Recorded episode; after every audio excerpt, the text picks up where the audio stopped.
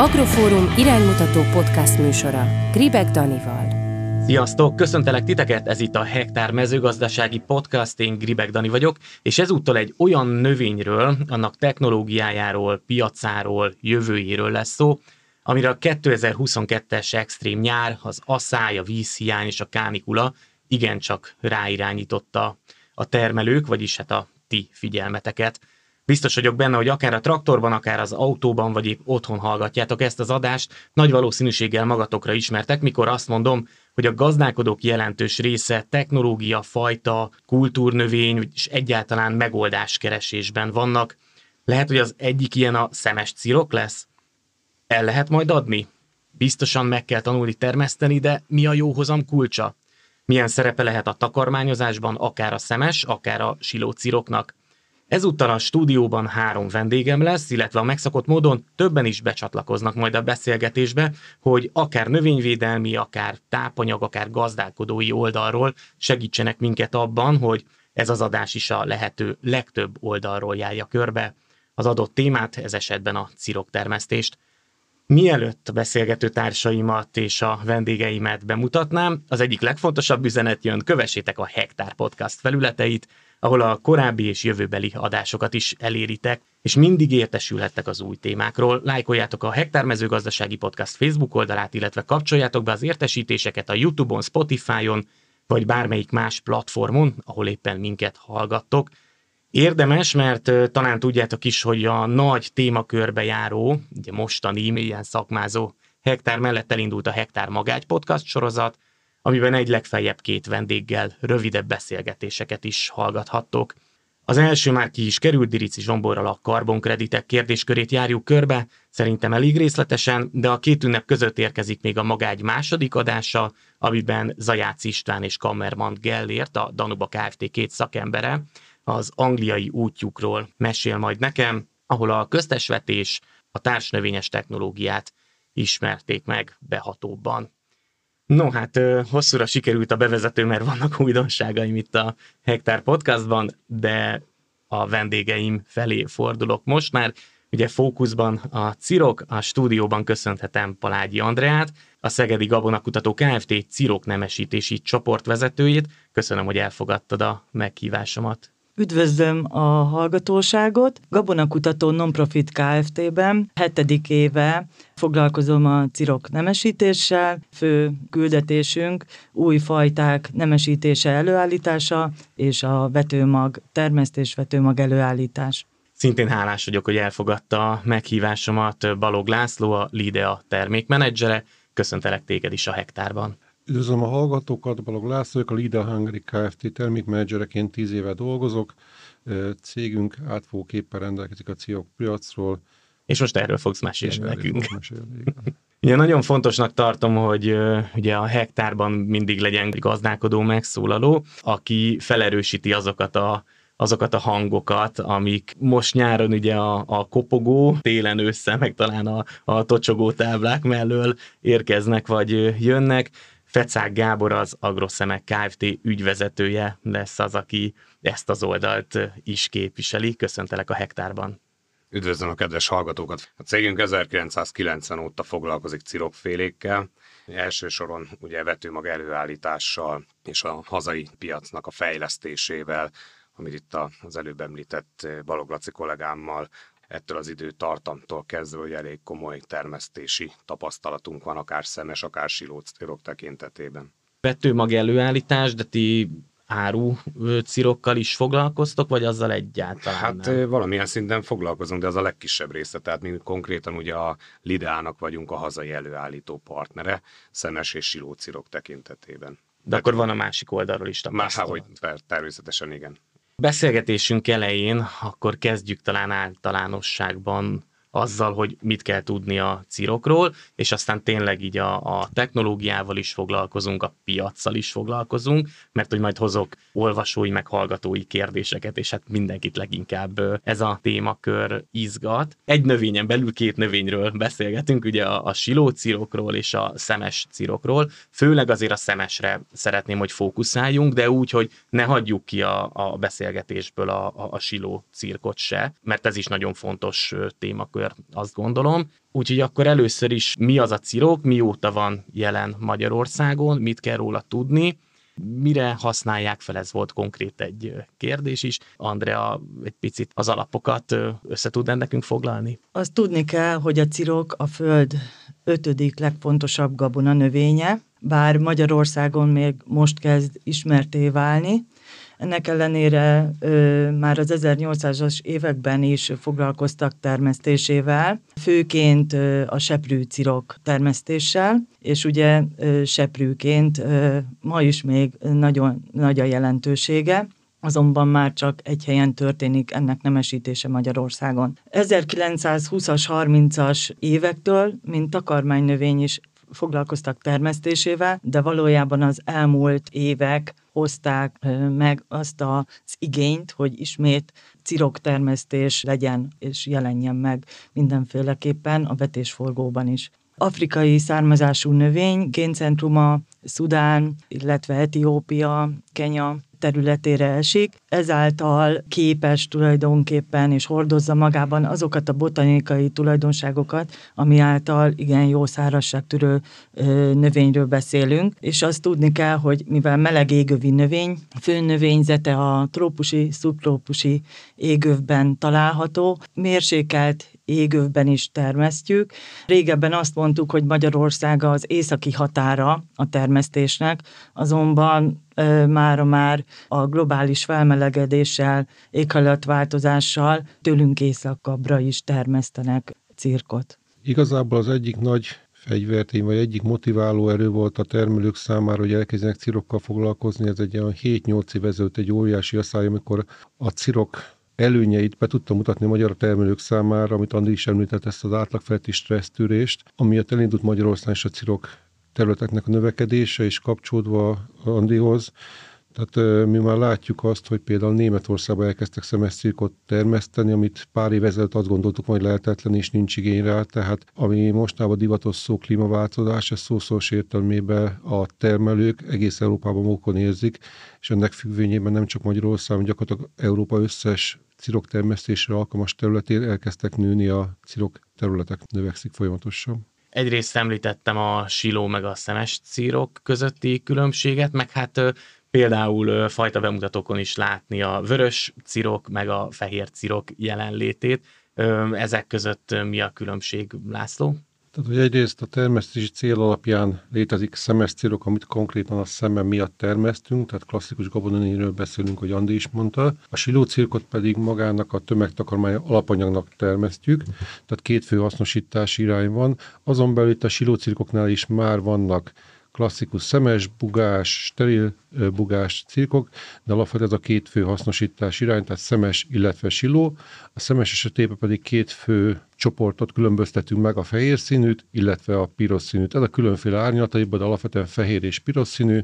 Magyarországon jellemzően a piros színű a domináns, olyan 90-95%-ban hazai termelők piros szemű cirkot választottak. Ezért érdekes módon Európában eltérő Oroszországban, vagy például Oroszországban a fehér szemű cirkot preferálják. Olyan példát lehet mondani, ez mind az életből a tojás, vagy a barna vagy a fehér héjú tojás. Gondolom akkor ez a vetőmag előállításnál is szempont, hogyha a magyar piacot nézzük, Gábor. Természetesen, hát főleg, ahogy a Laci említette, hogy a vörös szemes cirok, vagy piros szemes cirok az, ami a hazai köztermesztésben elterjedt. Egyetlen olyan objektív oka volt, rátérve egy kicsit a szakmai részre, a tanninosság kérdése, ami ugye, ugye a tannin az a takarmányozásba egy olyan meghatározó elem, ami a takarmányozás eseténél az emésztést tudja gátolni. Most az elmúlt éveknek a nemesítési irányzata is azért a szemes cirok esetében az volt, hogy ezt a tannin tartalmat csökkentsük, ezáltal ugye a takarmányba hasznosítható mennyiségét tudjuk növelni, és visszatérve az, hogy a két szem közti különbség, hogy fehér vagy vörös, ugye a tannin, ugye ismert a vörös borból is, tehát berögződés volt egyébként főleg külföldi országokban, hogy amennyiben fehér szemű szemes cirkot használnak, az teljesen biztos, hogy tanninmentes.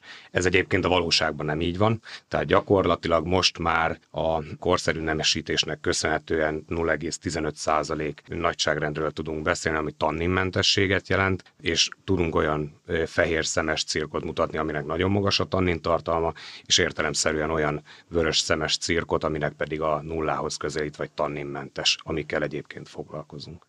Így már egy picit belekóstoltunk a piaci helyzetben, és azt gondolom, hogy az egész beszélgetés során ez nagyon sokszor elő fog jönni, mert hogy szerintem talán a, a cirok termesztési jövőjét leginkább ez befolyásolja. Nyilván ugye a klímaváltozás mellett ez a kettőnek kéz a kézben kell járnia. Tehát fogunk erről még részletesen beszélni, de érkezett hozzám olvasói, hallgatói kérdés, úgyhogy lehet, hogy ezt gyorsan bedobnám ide a, a műsor elejébe.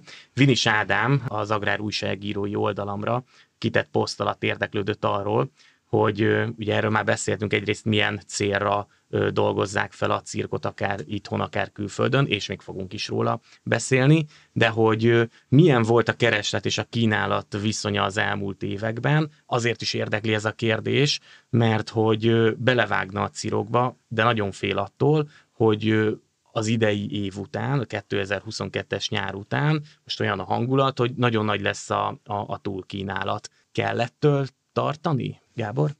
Azért a ciroknak úgy alakult ki itt Magyarországon a piaca, hogy a kezdetekben gyakorlatilag még madáreleség, tehát madáreleségként volt hasznosítva, főleg külföldi országokba, nevezzük nevén Lengyelország.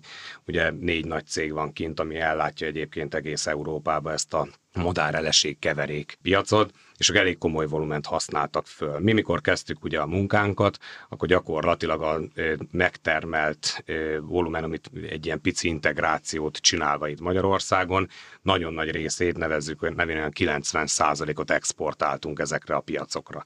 Cirok beltartalma az gyakorlatilag egy picivel jobb is, mint a kukoricáé ugye fehérje tekintetében, két-három százalék ponttal ugye magasabb, vagy bizonyos esetekben három-négy százalék ponttal magasabb, mint a kukoricáé, és nekem mindig az volt a bajom, hogy ezt a jó minőségű alapanyagot miért exportáljuk, miért visszük ki az országból, miért nem itthon használjuk fel, és nagyobb vagy hozzáadott értékekkel, magasabb hozzáadott értékekkel rendelkező termékként ugye úgy exportáljuk, és itthon hagyjuk ezt a, az eredménytöbletet.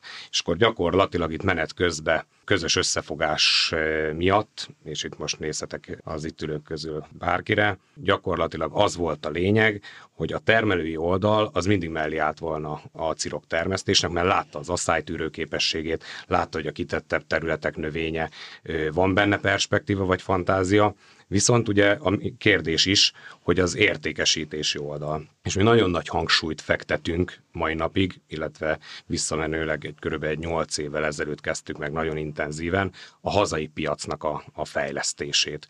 Észak-Kelet-Magyarországon van egy nagy cég, ahol elkezdtük nagyon kicsibe, laborkörülmények között bevizsgálták, ugye mi mondtuk, hogy nem papírt fogunk hozni, hanem inkább a, a terményt és vizsgálják be saját labori háttérben, ami ugye meg is történt, és gyakorlatilag azokból kifolyólag elindult egy olyan felhasználási lépésről lépésre felépített program, amivel most már idén kb. 40 ezer tonna felhasználási igényel rendelkezik ez a bizonyos vállalat, és értelemszerűen a többiek, tehát Magyarországon lévő többi olyan nagy takarmány feldolgozó vagy felhasználó cég is vagy, vagy vállalat ugye csatlakozik ezen cirok felhasználási kedvhez, a cirok esetében nem a kukoricát szeretnénk leváltani. Ez nagyon fontos kiemelni.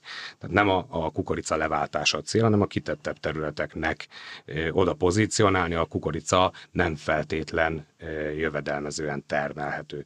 És amiért érdekes a felhasználási ö, növekedés a cirok tekintetében, az a toxin. Ugye az idei évben ha megnézitek, keresni kellene, hogy hol vannak olyan tételek, ahol a takarmányozási toxin határértékek megfelelőek lennének. A cirok esetében ez nem releváns.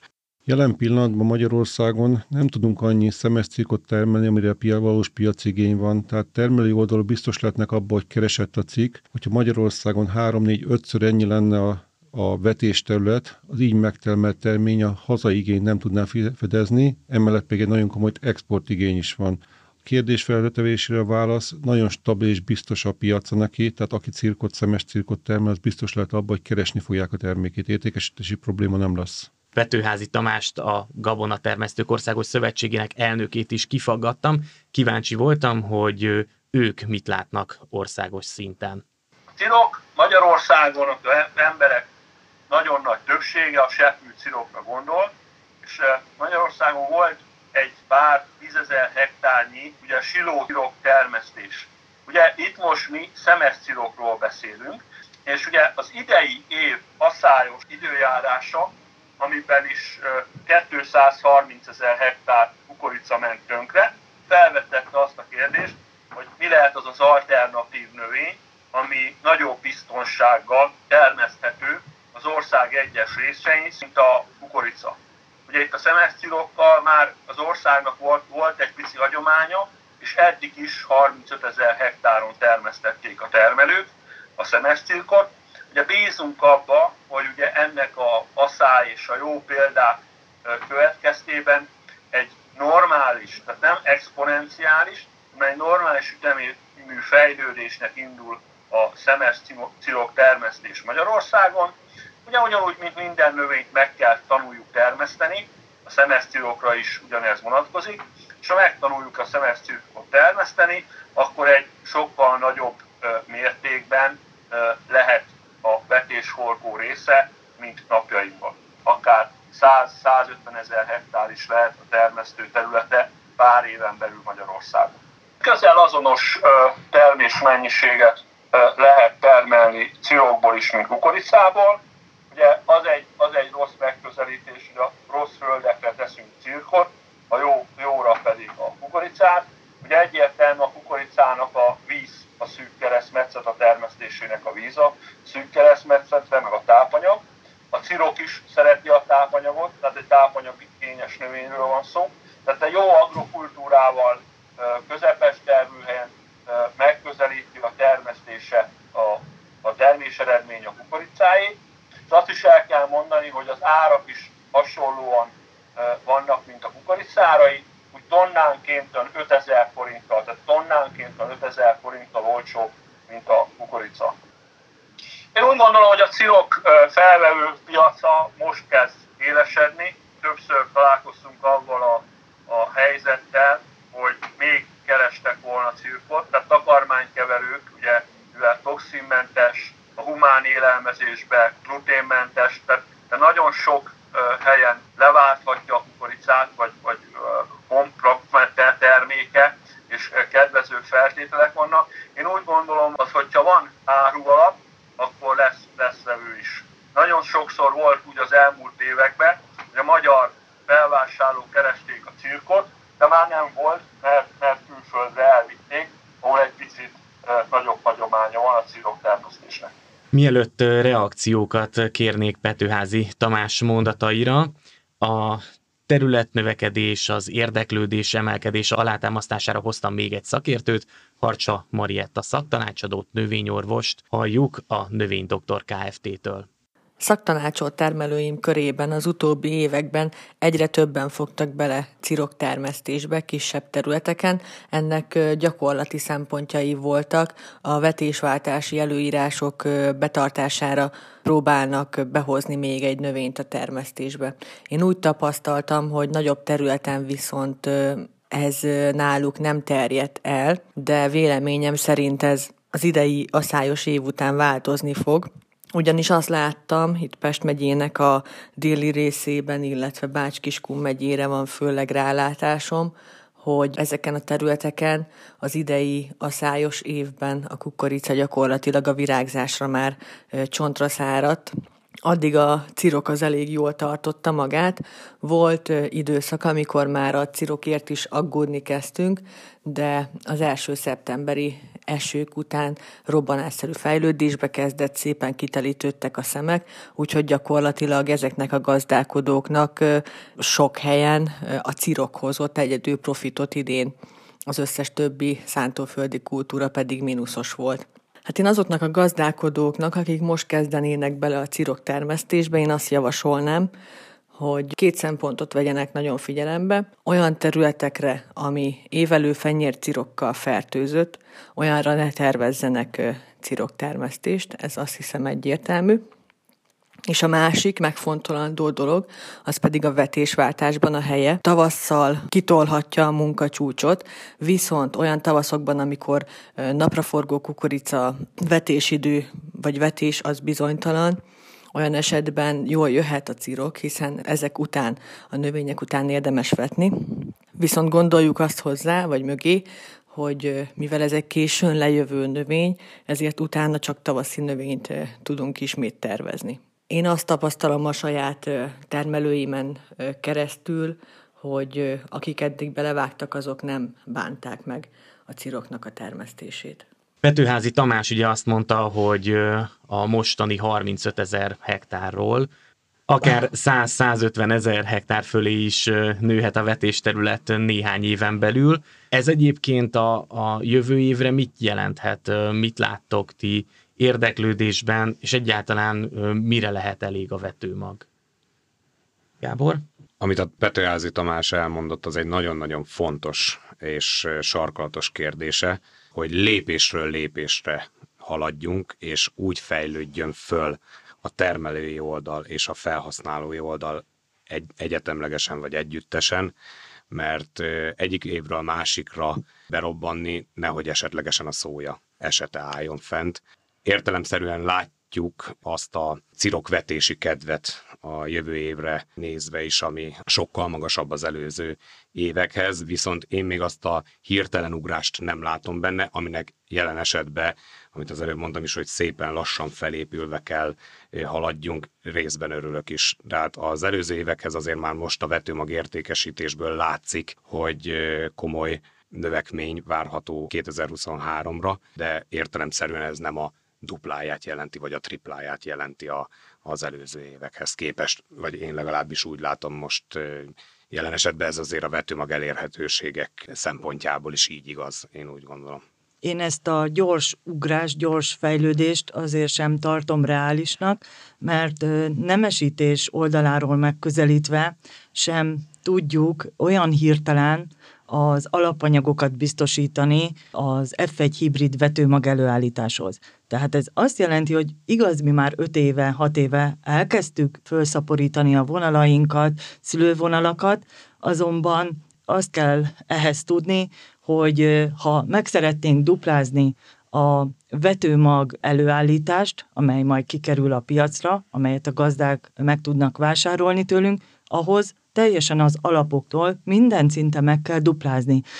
Dupla annyi munkaerővel, dupla annyi tenyészkertbe kell dolgoznunk, dupla annyi fajta fenntartással kell bánnunk, és dupla annyi alapanyagot kell biztosítani. Tehát lépésről lépésre, évről évre lehet mindig egy kicsit bővíteni ezt a vetésterületet és a vetőmag előállítást. Én visszakanyarodnék arra, amit Petőházi úr említett, ez a 100-120 ezer hektáros terület. Nagyon fontosnak tartjuk azt mi a Lidea Hungary-nél, hogy azért azt nyomatékosítjuk, hogy a Gábor is említett korábban, hogy itt megfelelően kell pozícionálni a cirkot. Tehát egyértelműen nem a kukoricával szemben megy a cirok, hanem mi azt gondoljuk, hogy Magyarországon van legalább 100 ezer hektár olyan terület, ahol a kukorica biztonságosan nem, terem, nem termeszthető, ezekre a helyekre van kitalálva a szemes vagy a silócirok. Tehát egyik oldalról egyértelműen meg ez a 100 ezer hektár ez innen jön, Másik oldalról pedig mi is azt gondoljuk, hogy lépésről lépésre kell haladni, mert a, bár a termelői szándékot sok helyen lehet látni, viszont mi azt gondoljuk, és ebben szerintem mind a hárman egyetértünk, hogy a termelőknek egy résznek meg kell tanítani, hogyan kell ezt a cirkot termelni,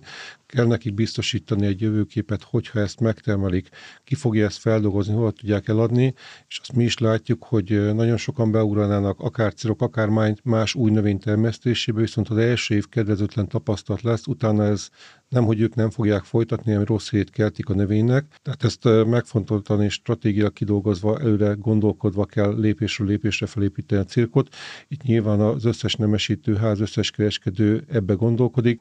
Mindenki más jellegű alapanyagot tud biztosítani, avval igazából azt gondolom nem lesz gond, tehát vetőmag rendelkezésre, de nagyon kicsit furán hangzik a dolog, de azt gondolom, hogy a magyarországi cirokban érdekelt meghatározó cégek, akár Andék, akár mi, akár a Gáborék is tudatosan nem biztos, hogy a legjobb szó az, hogy visszafolyjuk a piacot, inkább úgy fogalmaznék, hogy tudatosan építjük a piacot. Ugye említetted itt a rossz meg jó tapasztalatot, és akkor ezt egy picit alátámasztva érkezik két termelői vélemény a cirokkal kapcsolatban. Elsőként Borsos Imrétől, Szentes térségéből, ahol ugye igencsak nehéz évet zártak a, a, a termelők, és talán ennek is köszönhető az, hogy amikor a, az 500 hektáron növénytermesztést és hasonló léptékben szolgáltatást is végző Borsos Testvérek Farm Kft-nél jártam, akkor hát nem volt éppen optimista a fiatal gazdálkodóval folytatott beszélgetésem. Hallgassuk meg, hogy ő mit gondol a cirok jövőjéről. Csak próbálkozunk mindig vele, igazából nem tetszik a növény, mert főleg majd ilyen energiárak mellett, mert a szárítási költség az nincs olyan, hogy azt nem kell szárítani. Meg idén is például annyira asszályos év volt, hogy az is csak 10 mázsát termett az egyik haveromnál. És ugye, hogyha egy szikűs a terület, azzal meg nem lehet bírni. Én annyira nem. Nem látom benne a jövőt, megmondom őszintén. Nem tudom még egyelőre. Az a baj, hogy az az évben, amikor a cirok tud teremni mondjuk 8 tonnát, akkor a kukorica is tud mondjuk hetet, vagy mit, vagy hatot. És akkor még mindig egyszerűbb megoldani vele sok mindent, mint tehát az is hoz annyit, mint a cirok, az én véleményem szerint. De hát később ez majd kiderül még, mert majd látjuk, hogy mire, mire fordul az időjárás. Most egyelőre nem úgy néz ki, hogy sokkal jobb lenne jövőre. Sokkal pozitívabban látja viszont a cirok helyzetét és szerepét Tóth Zoltán, a Tóga Sárt Kft. ügyvezető igazgatója, aki Somogysárdon 600 hektáron, főként hagyományos növénytermesztéssel, de például biborhere vetőmag előállítással is foglalkozik, alkalmaz egyébként a vetés forgójában takaró növényeket is, erről az Agrofórum videómban beszél is, érdemes megnézni. Ez itt a reklámhelye, hmm. hogy Agrofórum videókat érdemes nézni, de most hallgassuk meg a véleményét a cirokról. Hát igazából az éghajlatváltozás hozta ezt a döntést, valamint a, költséghatékony bekerülése. Tehát sokkal-sokkal olcsóbban elő, fogom, elő tudom állítani, mint egy kukoricát, és biztonságosabban körülbelül egyharmad áron elő tudunk állítani biztonsággal 4-5 tonnát minden évben, nem úgy, mint egy kukoricát, ami egy nagyon-nagyon asszályos év, mint ami a tavalyi és az idei is volt. Tavaly például csak 5 tonna volt a kukoricánk, idén 6,5 tonna, és azért nem mindegy a kettő közti különbség, hogy mi lesz a vége viszont azt hozzá kell tenni egy jó kukoricás évben, jó, jó évjáratban kukorica jövedelmezőbb. Egyre többen keresik. Tehát Olaszországban is most adtuk el, oda is nagyon nagy a kereslet rá, illetve a magyarországi ö, piaca is egyre bővül, ahogy észrevettem. Azért mi azt szeretnénk, és ez közös pont itt mind hármunknál, hogy a termelők tanuljanak meg cirkot termelni. Ebben semmilyen ördöngőség nincs egyébként, csak vannak benne olyan sarkalatos pontok, amire oda kell figyelni, és a cirok termesztése előtt kell róla beszélni. Gyakorlatilag ez a legfontosabb egyébként, ha valaki gondolkodik ugye cirok termesztésbe, két sarkalatos pontja van, egyik a, az egyszikűeknek az időben történő kikapcsolása, tehát a növényvédelem, a másik az pedig az ideális vagy optimális betakarítási időpont. A hosszú évek tekintetében ezeket raktuk úgy össze, hogy, vagy ezt tapasztaltuk, hogy ez a két legsarkalatosabb dolog. Mert az, hogyha Ugye nincsen meg az általunk javasolt termesztés technológia, amit egyébként mi értelemszerűen minden meglévő és új partnernek egyébként évente frissítve egy technológiai kiadványjal egyébként rendelkezésre bocsájtunk, akkor gyakorlatilag ha mondjuk bugahányás időszakában beszélünk egy egyszikű gyomnyomásról, akkor az már régen elkésett. Tehát ennek megvan az a sarkalatos része, hogy hol kell kikapcsolni időbe. A másik pedig ugye a betakarítás.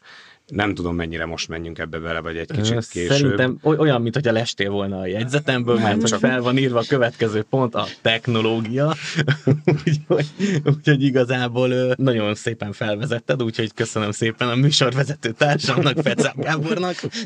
Igen, tehát most fogunk akkor tényleg beszélni vetéstől, betakarításig a különböző technológiai lépésekről, pontokról. Először Lajos Mihály korábbi gondolatait idézném meg, ugye a Hektár Podcast legelső adásából, tehát ez is egy pici ilyen reklám is lesz, miközben tényleg felvezetjük a technológiai blokkját a mai adásunknak. Sok hallgatónak tehát ismerős lesz ez a néhány mondat, akinek pedig nem, annak javaslom, hogy hallgassa vissza ugye a 2022-es februári műsort, ami ugye és ezért fontos, ez még ugye a nyári asszály előtt készült, viszont már ugye a, akkor, amikor a műtrágya árak igencsak meglódultak, tehát Lajos Mihály az Agrofil SMI Kft. ügyvezetője, őstermelő. Valahol jó alternatív, valahol kevésbé. A piaca kezd kialakulni.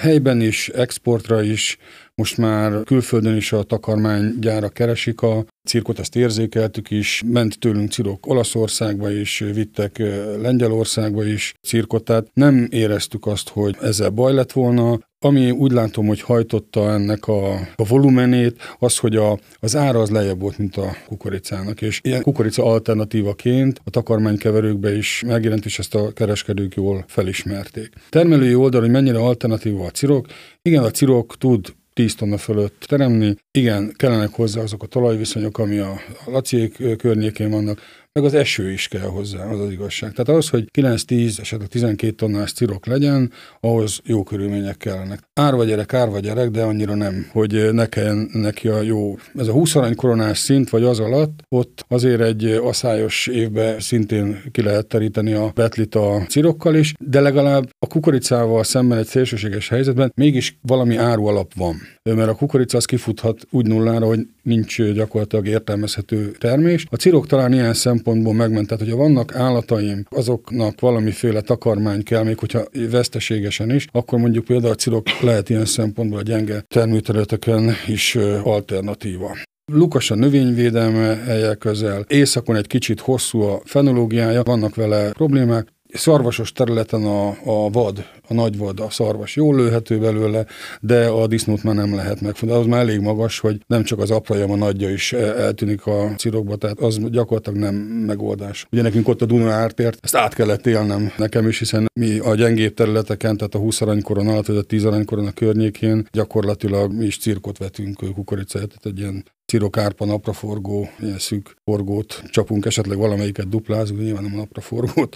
Vodker tekintetében nagyon hasonlóak a tapasztalatok Dél-Somogyban is. Pap István a Hektár mezőgazdasági podcast Facebook oldalán jelentkezett, hogy szeretné elmondani a tapasztalatait, aminek én egyébként itt kifejezetten örültem, úgyhogy hallgassuk meg virtuális vendégünket Csurgóról. Somogy megyében gazdálkodok, 100 pár hektáron. A, a cirok jelen esetben ilyen 30%-ot képviselt az idejében, tavaly évben csak egy 5% volt. Tetszett a terméseredmény az előző évben, a, ami volt, tehát akkor is már jóval 8 tonna fölött voltunk, és a vadak elég jól megdöntötték, tehát az idén olyan helyre vittem, ahol a vaddisznókról meg lehetett róni, mert szeretik. Kevés az input anyagköltsége, van idő vetni, tehát nincs kapkodás a vetésbe, tehát bőven kukorica után lehet vetni, és ezért gondoltuk, hogy berakjuk a vetés szerkezetbe.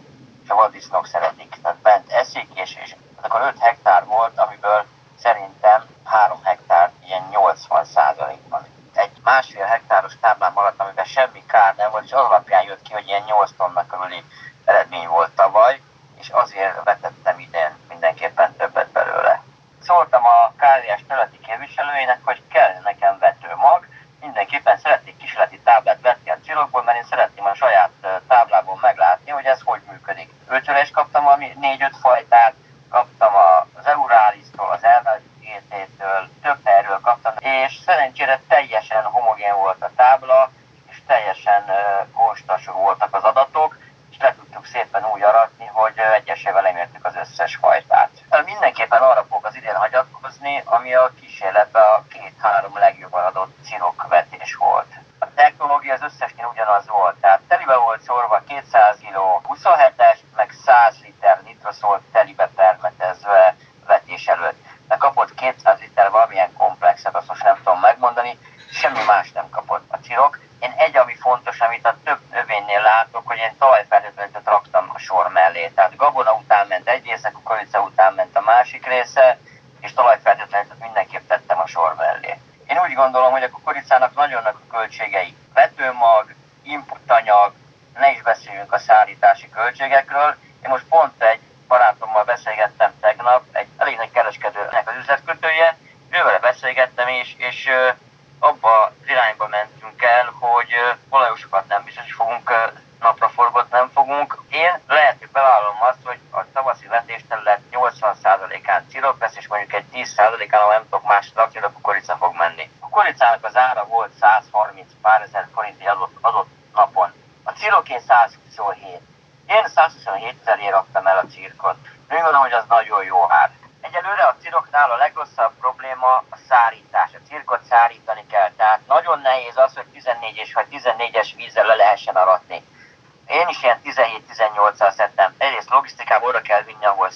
adottság, elég nehéz szárítani, mert pici, apró, kemény szem, nem egyszerű a szárítása.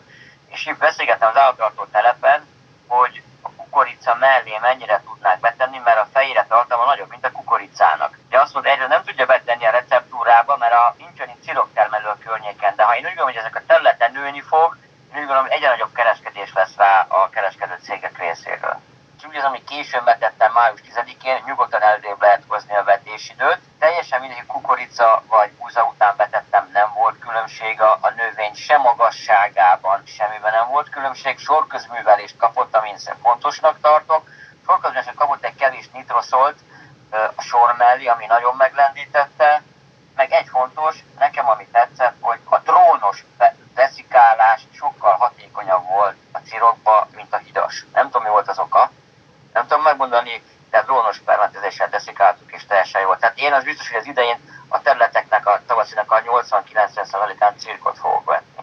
Szó volt kísérletekről és fajtákról, de előtte azért bedobnám a szerintem minden gazdálkodó és minden vadgazdálkodó, meg erdőgazdálkodó kedvenc kifejezését, azt a szót, hogy vadkár. Gábor? Gyakorlatilag azt el kell mondani, hogy azért a vadkáros területekre a cirok se kifejezetten ugye alkalmas. Ugyanis arról beszélünk, hogy a kitettebb vagy gyengébb területeknek a növénye vagy oda van pozícionálva. Na most egy olyan helyen, ahol gyakorlatilag vadkár van, és gyengébb területről beszélünk, és kukorica nincsen a környéken, és oda cirkot fogunk vetni, azért bele fog menni a vad. Tehát ez korábbi években, vagy arról volt szó, hogy vadkáros területekre alkalmas a cirok, ez így ebben a formában azért nem igaz. Az igazsághoz hozzátartozik az, hogy belemegy a vad, csinál benne kárt, de akkora jelentős mértékű gazdasági kárt, mint mondjuk esetlegesen a kukoricába nem. Tehát valahol a kettő között van az igazság, ha már vadkárról beszélünk. Tehát a vadkáros területeket a tapasztalat alapján azért, hogyha biztonsággal, magas hozameléréssel szeretnénk termeszteni, azért célszerű megvédeni kerítéssel vagy ez az állatos eszközökkel. Erdélyben foglalkoznak a GKR-ik silócirok termesztésével. Ők a silócirok előnyeihez sorolják azokat a tulajdonságokat is, amelyek számunkra néha megnevettetők. Szinte elsőként számoltak be arról, hogy a silókukoricához képest fontos, hogy a növény, sűrű növényállományba nem megy be a medve. Ez az egyik. Másik pedig azt, hogy nincs terménylopás, hiszen ott Marosvásárhely környékén, Maros megye Hargita előfordul az, hogy még a siló kukoricáról is leszedik a csöveket. Siló cirok esetében viszont nem kell megvárni a betakarításhoz, a, hogy a buga beérjen, teljes viaszérés állapotában célszerű betakarítani, úgyhogy ez a kockázati tényező is ki van lőve távolinak tűnik, de hát lehet, hogy Észak-Magyarországon egyébként a, a cirok termesztésnek akkor most adtunk egy lendületet itt a medve elleni védekezés kapcsán, mert hogy ott azért most már állandóvá válik ennek a fajnak a jelenléte. Ja, és akkor térjünk rá itt fajtákra, és most nyugodtan lehet neveket is említeni mint hölgy, akkor először Andrához fordulok. Ugye itt Pap István titeket is említett, ha minden igaz, meg Euralis néven ugye László benneteket is, hogy kipróbált fajtákat, és hogy majd a top 3-at fogja a jövő évben elvetni a területein, de akkor nálatok először, Andrea, mik a legfőbb fajta tulajdonságok, mik azok, amikre ti nemesítetek, milyen anyagokat és hova ajánlatok a, a gazdálkodóknak? A gabonakutatóban három cirokfélével foglalkozunk, három cirokféle nemesítésével, szemes cirokkal, siló cirokkal és szudáni fűvel. Mindhárom cirokfélénél inkább törekszünk a korai éréscsoportú fajták előállítására. Ez azért is fontos, mert például főként silócirkot akár másodvetésben is lehet használni, és itt tudjuk kihasználni a betésforgót és a, a növények egymás utáni váltását. A szemes cirok vonatkozásában most a szárasság és az asszály miatt nagyon fontos tulajdonságá vált, nyilván a szárasság tűrőképesség már jó ideje, de azon kívül bizonyos botanikai tulajdonságok, például minél nagyobb legyen ugye a buganyél, nyilván erre ezt is 40-50 éve elődöm is elkezdte ez, de most látszik az, hogyha nem olyan magasra nőnek a növények a szárazság következtében, hanem fele olyan növény magasságot mutatnak, sokkal könnyebb arathatóság, betakaríthatóság van, hogyha nagyobb a buganyél, és kevesebb lesz a levélrész, a szárrész, ami kombájnoláskor bekerülhet, így elkerülhető esetleg a szárítás is ezáltal. Nagyon fontos tulajdonság a betegség ellenállóság, összességében mondom, mindhárom cirokfélére. Silócirokban vannak olyan fajtáink, mint például a GK Balázs, GK Erik, ezek inkább a, a téli takarmány előállítására szolgálnak, tehát szilázs készítésre. Vannak inkább biomassa típusúak, még nem nagyon sok tapasztalatunk van az új GK Péter fajtánkról, amely 21-be kapott állami elismerést, és a szudáni füvek tekintetében nagyon nagy az érdeklődés, mostani új fajtánk a GK harmat, igen korai, de egyébként tulajdonképpen az összes szudáni fű fajtánk, hibridünk korai éréscsoportba tartozik, ezek pedig szintén azokat a gazdákat elégítik ki, amelyek helyben tartanak állatot, állattenyésztéssel foglalkoznak, és valójában a szudáni fű, mivel többször betakarítható egy adott tenyészidőszakban, így hatalmas zöld tömeget tudnak biztosítani az állatok etetésére. László a Lidea szempontjából a kérdés hasonló. Említetted, hogy ex Euralis, most Lideát, és sok számára Magyarországon a Cirok egyelő volt az Euralis, ennek a jogelődje lett a Lide, akit én képviselek. Annyit kell tudni Cirokról, Lideáról, hogy Európa legnagyobb fajta választékkal rendelkező nemesítő céget, tehát termékeink nem csak Európa, Magyarországban is piacvezetők. Nagyon sok cirok fajtával foglalkozunk, alapvetően szemessel és silóval, amit tudni kell, hogy ebben a széles portfólióból mi előzetes tesztelések alapján, több éves tesztelés alapján csak olyan fajtákat, pontosabban hibrideket hozunk Magyarországon forgalmig biztonságosan termeszthető betakaríthatók. Maga a nemesítés során nyilván annak függvényében, hogy szemes vagy silócirokról beszélünk, eltérő nemesítési célok vannak, alapvetően a termésbiztonság, nyilván termésmennyiség, alapvetően egy általános betegségálló képesség. Az elmúlt években kezdett felértékelődni egyes speciális növénybetegségekkel szembeni rezisztencia, tolerancia szint,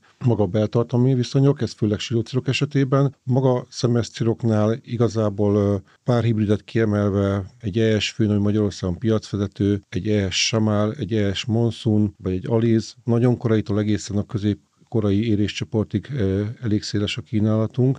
Ezeket jellemzően a piacvezető termékeinket, vagy meghatározó termékeinket mind Magyarországon állítjuk elő, pont amiatt a termésbiztonság miatt, hogy mi tudjuk azt, hogy Magyarországon megvan az a megfelelő szakértelem, amivel itt elő tudják megfelelő minőségbe állítani a vetőmagokat. Silócok esetében mi kicsit megfolytottuk a dolgot, mi nem vagyunk állattésztő, és nem takarmányos szakemberek, nem is akarunk így viselkedni. Tehát mi növénytermesztési oldalról, szakmai oldalról meg tudjuk támogatni ezt a cirkot, Viszont az állatténztők számára mi tisztán látjuk azt, hogy állatténznek kell tudni megmondani, mi az igénye, és mi azt mondjuk, az igényhez, igényhez ajánlunk hibridet, tehát a mi állatunk az szegmentálva mondja meg az állattenyésztő a tömegtakarmánybáliság, hogy melyik állat csoportnak kívánja ezt adni, és ennek függvényében eltérő beltartamú silószükat kínálunk. Ebből én kiemelnék két-három hibridet. Van a mi esetünkben egy, az elmúlt években jelent meg egy új generációs silócirkok, úgynevezett BMR típusú silócirkok, erről majd gondolom később fogunk beszélni. Így van, Tehát egy Arigato BMR, egy Zafir BMR esetében, vagy egy BMR Gold X esetében ezek a mi fő silócirok ajánlatunk. A piacon ugye szintén meghatározó szerepet tölt be a KVS, az őszi fajta bemutatójukon. Náluk is egyébként elhangzott az, hogy érzik a termelői igényt, és ők is több vetőmaggal készülnek a 2023-as esztendőre, mint ahogy eddig. Az általuk javasolt technológiáról Kugyelka Mihály, a KVS Magyarország Kft. Csongrád család és Észak-Nyugat Békés megyei képviselője beszél a következő percekben. Röviden összefoglalva, a cirok egy szívósabb és jó értelemben igénytelenebb növény, mint a kukorica, remek alkalmazkodó képességgel számos téren, de akkor részletezzük ezt. Azt, hogy a szárazságot jobban viseli, mint a kukorica, a növény botanikájában kell keresni. Először is a növény támogatja egy hatalmas gyökértömeg, mind a víz, mind a tápanyag felvételében. Ez a gyökértömegük kétszerese a kukoricáinak, ezzel együtt a földfelti részük, amit pedig ki kell nevelniük, szemes cirok esetében pedig csak a harmada negyede. A cirok ezen felül képes a szöveteiben vizet raktározni, ebben különösen fontos szerepe van a belül tömött és rostos szerkezetű száruknak. Ezen túl pedig a leveleik igencsak viaszosak, ami ismételten véd az erős napsugárzás ellen. Hogy konkrétumokat is mondjak, a szemes szírok vízigénye a kukoricáihoz viszonyítva körülbelül kétharmada, egyes források szerint a fele, a silóciroknak pedig félúton van a kukorica és a szemes szírok között. Ezen felül pedig a cirokfélék rendkívül jól meg tudnak újulni a kedvezőtlen időszakok után. Itt most elsősorban az aszályra gondolok, de ez ugyanúgy igaz a belvízre is. Tápanyagén tekintetében is spórolósabbak, mint a kukorica, ami a megemelkedett inputanyagárak tekintetében is fontos szempont. Nitrogén és kálium igénye nagyjából a fele, még foszfor igénye körülbelül kétharmada. És akkor nézzük át a konkrét technológiát. A tápanyag felvételét ugyebár már említettem. Előveteményre, szomszédságra nem igényesek a cirokfélék. Ami viszont fontos sarokpontjuk, az a megfelelő talajművelés. Igénylik a mélyművelést, így tudjuk kihasználni a hatalmas gyökértömegükben rejlő lehetőségeket, valamint apró mag révén kiváló minőségű magágyat igényelnek. A cirok vetőmag normája a KVS hibrideknél 250 ezer mag per hektár, ami egy zsák vetőmagot jelent. A cirok vethető 37,5, 45 vagy 75 cm-es sortával, más szóval tripla gabona, cukorrépa vagy kukorica sortávakra. A sűrítés jól bírja ez a növény, azonban 45 és 75 cm-es sortávakon képesek vagyunk megkultivátorozni is. Növényvédelmesen bonyolult, új és kiskultúra révén alig vannak kártevői. Az alapgyomírtására a pentoxamid és terbutilazin gyári kombinációi, vagy az esmetolaklór és terbutilazin kombinációi használhatók, utóbbi csak antidótum csávázással. Valamint késői posztemergens egyszikű gyomírtásra az utóbbi években rendszeresen megkapta az eseti engedélyt a RIS penoxulám hatóanyagú gyomírtója.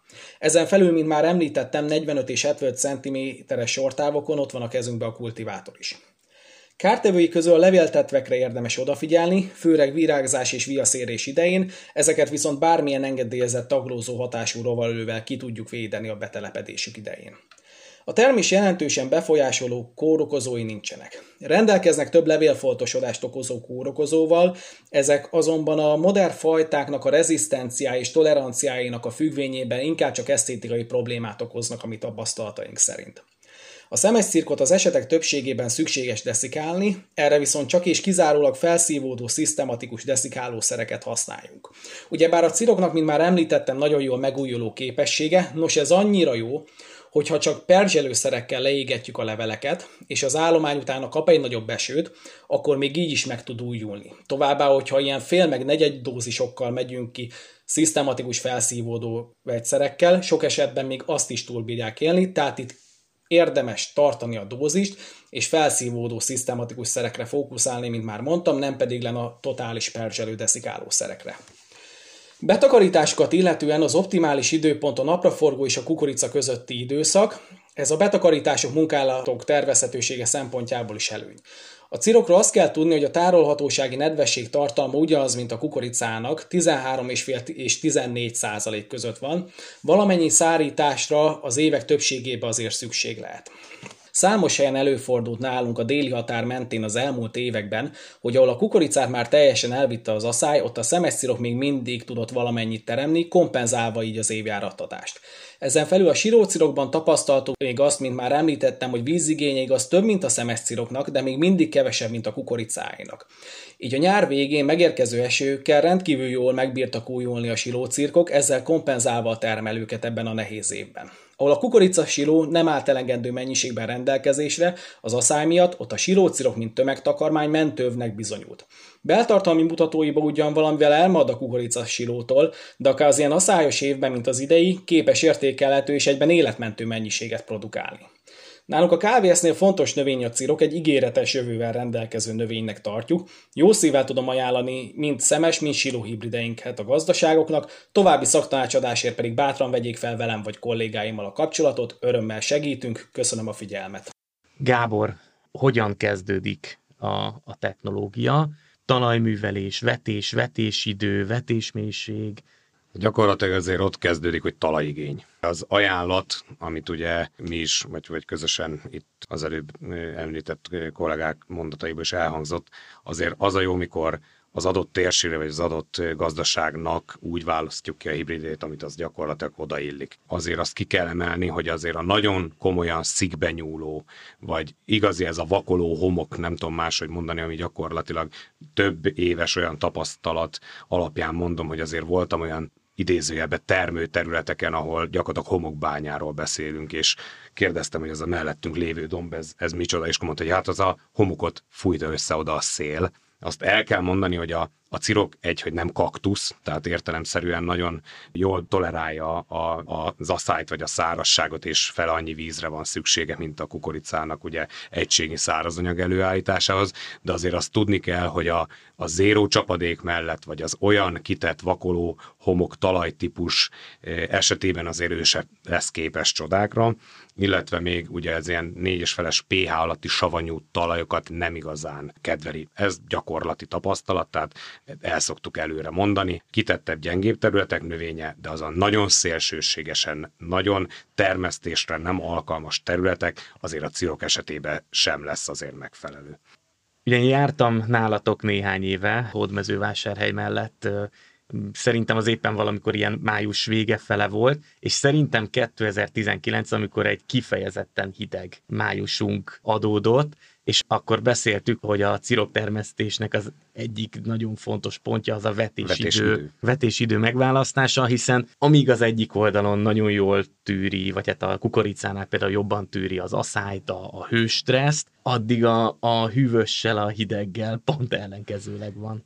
Igen, gyakorlatilag azért egy melegigényes növényről van szó. Ugye a géncentruma is ugye Afrika. A, van a papírforma vetésidő, meg van a gyakorlati tapasztalat, illetve az a gyakorlati tapasztalat, ami meg már a hőmérsékletre irányuló. Na most a papírforma ugye az általában a tankönyvek alapján április 15 és május 15, ugye ide tehető, ami egyébként szóba is tud jönni egy kicsit enyhébb tavasz esetén. Ezt ugye látnunk kell. A gyakorlat, inkább azt mondom, hogy a gyakorlati tapasztalat pedig az az, hogy meg kell várjuk azt, és itt már a talajhőmérsékletre gondolok, meg kell várni azt a stabil 12-13 Celsius fok talajhőmérsékletet, amikor az optimális vetésideje a ciroknak elindul. El lehet vetni április 15-én, de azért nézzünk vissza az elmúlt évekre, azért április végén azért a talajmenti most ki kell mondani, fagy sem volt azért kizárt, főleg az északabbi területeken, ugye Magyarországon.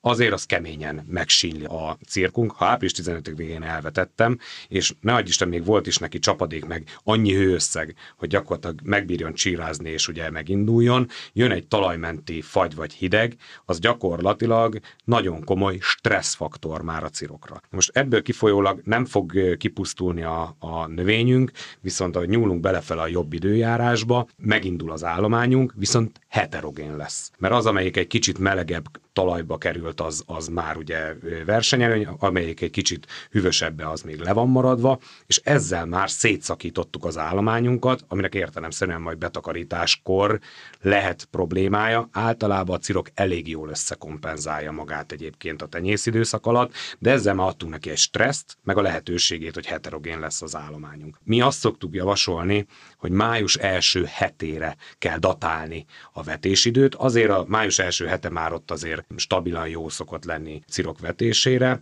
Dél-Magyarországról beszélek, ugye vásárhely környéke. Ez gyakorlatilag ott már jó esetben megvan neki ugye a talajba lévő annyi nedvesség, illetve a hőszeg is, hogy meginduljon a, a fejlődése, és egy robbanásszerű homogén állományjal indulunk, stressz nélkül. Nagyon fontos a pontos vetésidő megválasztása, úgy, ahogy Gábor mondta. Én még kiegészítenem azzal, hogy nem csak a kiegyenlítettség miatt, hanem gyomok elszaporodása miatt is, hiszen hogyha gyorsan tud fejlődni vetés után a magból növény, akkor sokkal kevesebb a kockázata annak, hogy a gyomoknak is legyen idejük elszaporodni, és akár meg tudunk spórolni egy vegyszeres gyomírtási kezelést. Tulajdonképpen itt még nagyon fontos tényező a vetésnél a prognosztizált csapadék is azért ott legyen. És még kiegészítve a két kollégát, Ciroknak az többek között az is egy óriási előny, hogy elég rugalmas a vethetősége, tehát ma Magyarország, amit forgalmaznak fajtákat. Ezeket gyakorlatilag kedvező időjárás tekintve akár április végén is már, de egészen május végig el lehet vetni. Tehát a termelőnek van egy viszonylag tág időintervallum, amikor szakmailag megfelelő módon dönthet arról, mikor veti el. Nem kell vele kapkodni, ez, ez a legnagyobb probléma, hogyha valaki kapkod vele, viszont szakmai nyugodtan tud várni akár május végéig is, és akkor is még biztonságosan betakarítottak ezek a fajták. Tehát egy nagyfokú szabadságot ad a termelőnek, hogy eldöntesse, mikor van helyes időpont, amikor az időjárás a tökéletesre. Ugye a robbanásszerű keréshez kell egy vetés is. Ott mire kell figyelni, és akkor tényleg itt a tőszámtól, vetésmélységig, akár hogy milyen talajba kerüljön a, a vetőmag. Ugye most már megbeszéltük, hogy mik a talajigényei, meg azt is, hogy mikor jó a kelés, milyen vetésidőnél, de a kettő között akkor hogyan zajlik optimálisan egy vetés, és hova, mibe megint csak gyakorlati tapasztalatot fogok mondani, ami azért itt az elmúlt években alá is lett támasztva szakirodalom formájában is. Tehát a, a cirok esetében a mélyművelés, tehát az őszi mélyművelés gyökértömeg miatt, meg a gyökér feltáró képessége miatt is, ugye a mélyművelés azért javasolt, illetve az a, a bevált módszer. Azért mondom így, hogy bevált módszer, mert itt az elmúlt években azért több gazdaságban is van arra példa, hogy másodvetésként, akár egy zöld rozs után direkt vetéssel gyakorlatilag a tarlóba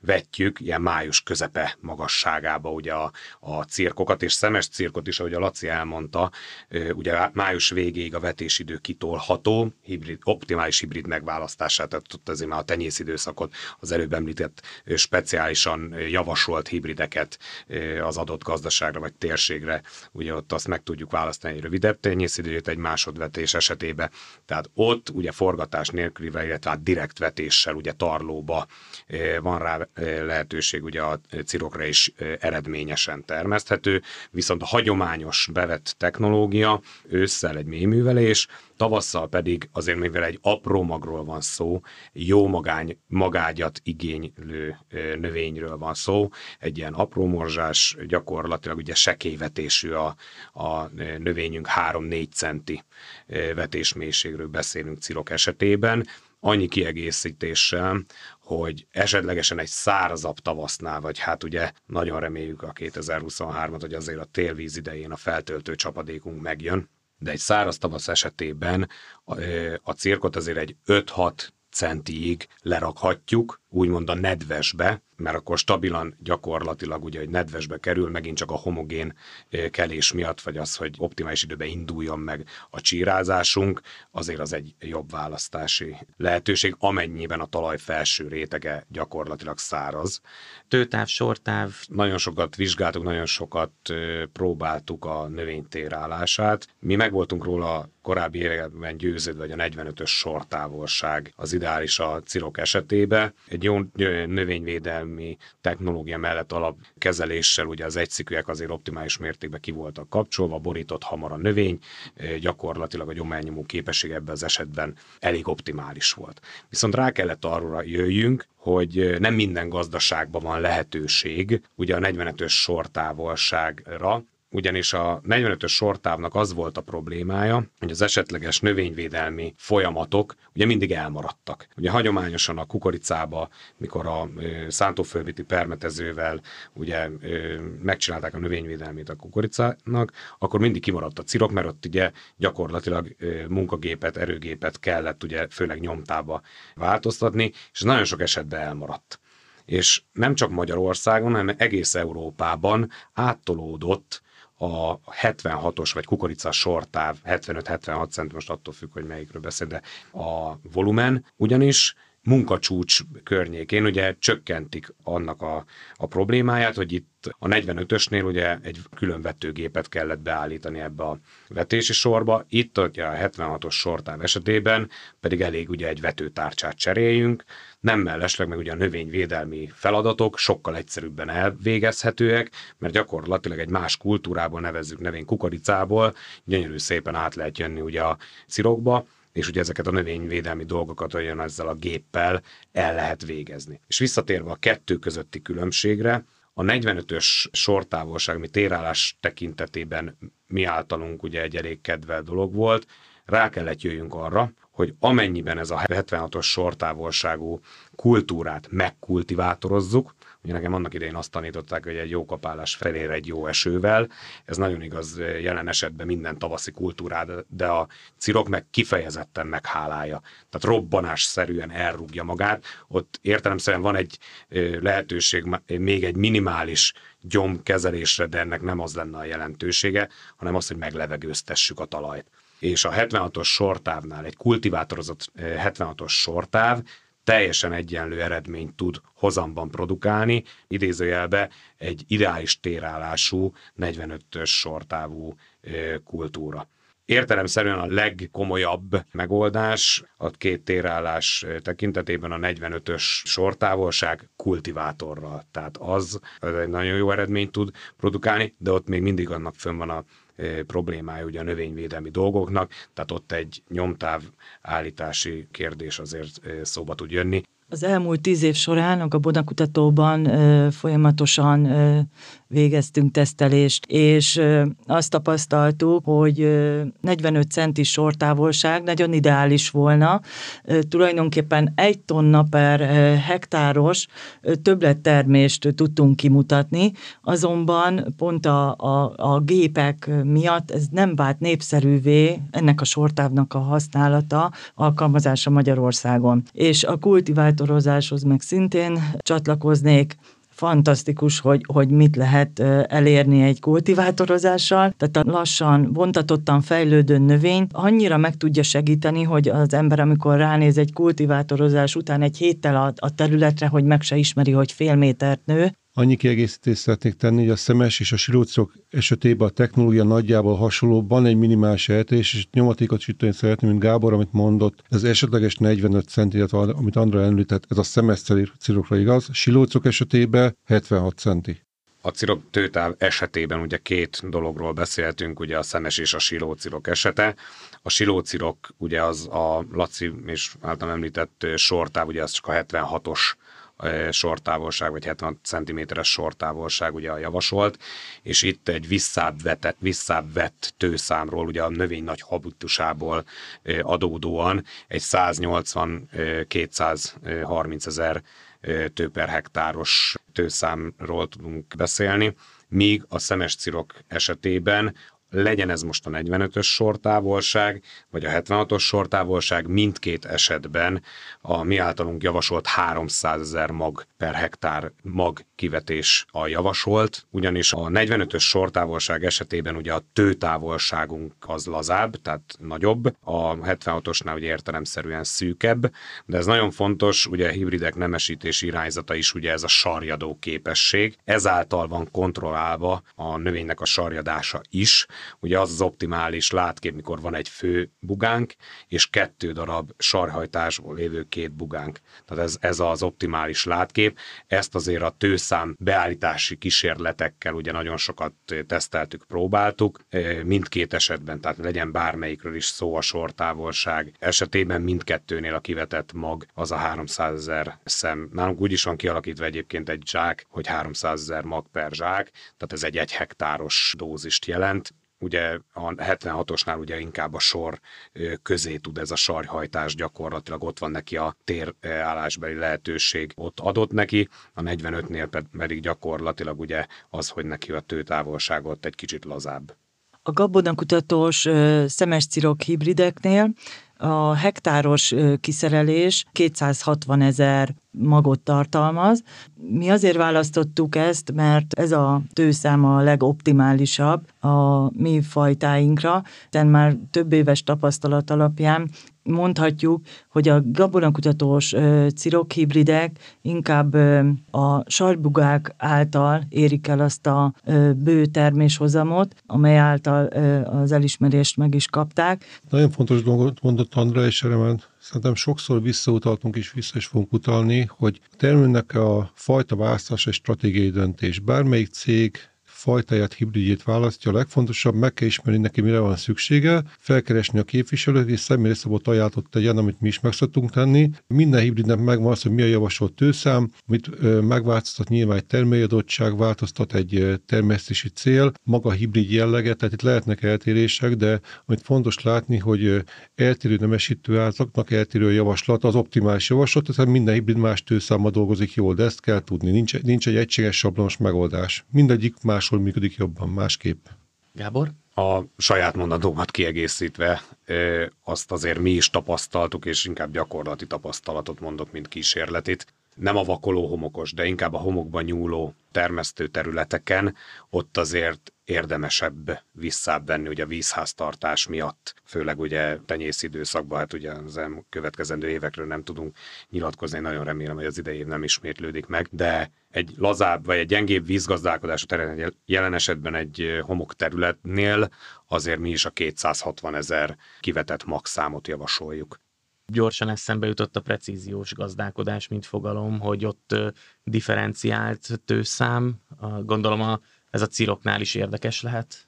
Nekünk van már az idejében ilyen tapasztalatunk, jó pár termelőnk, aki precíziósan gazdálkodik, ezt csinálta, tökéletesen működik a dolog, nyilván megfelelő szakmai, illetve gépesítési háttér megy, de hogy kukoricánál, ciroknál is 65 működik a precíziós gazdálkodás, kombinálva talajtérképekkel, a talajtermékenységét mutató információkkal, és mi láttuk ezt a betakarítási eredményeket, és egyértelműen a tálpa térkép, a betakarítási térkép egyértelműen mutatta, hogy helyes döntés volt ezt a precíziós gazdálkodást alkalmazni, hiszen visszahozta az árát. Amit nagyon fontos mondani, hogy ezt is már szemenként vetik. Tehát működik a klasszikus gabonavetőgéppel, nem ezt javasoljuk meg lehet oldani, de alapvetően a cirkot is szemenként vetik, tehát tökéletes alkalmas a precíziós gazdálkodásra. Nyilván ez megfelelő minőségű vetőmag kell, erre odafigyel mindenki, de működik, és javasoljuk is ezt a precíziós gazdálkodást cirok esetében a különböző vetőgépekhez, de ami Magyarországban forgalomban van, vannak vetőgépek, kivétel nélkül mindegyikhez kapható a cirok vetőtárcsa. Két fontos része van, egyik ugye ez a 2 kötőjel 2,2 mm lyukfurat, a másik pedig az, hogy ugye annyi darabszámú luk legyen a tárcsán, hogy ezt a 300 ezer magot hektáronként ki tudja vetni. Ha véletlen valamelyik forgalmazó nem kínálja a ciroktárcsát, akkor ebből az információból gyakorlatilag egy vaktárcsával ezt ki lehet fúrni, illetve meg lehet oldani örülök, Gábor, hogy említetted ezt a direktvetés témakört. Aki ugye hát régóta, vagy hát az idei évben többször is hallgatta már a Hektár podcastot, azt tudja, hogy itt a, a mintil, nótil, tehát ez a csökkentett talajművelés, vagy a talajművelés teljes elhagyásával mi folyamatosan és rendszeresen foglalkozunk.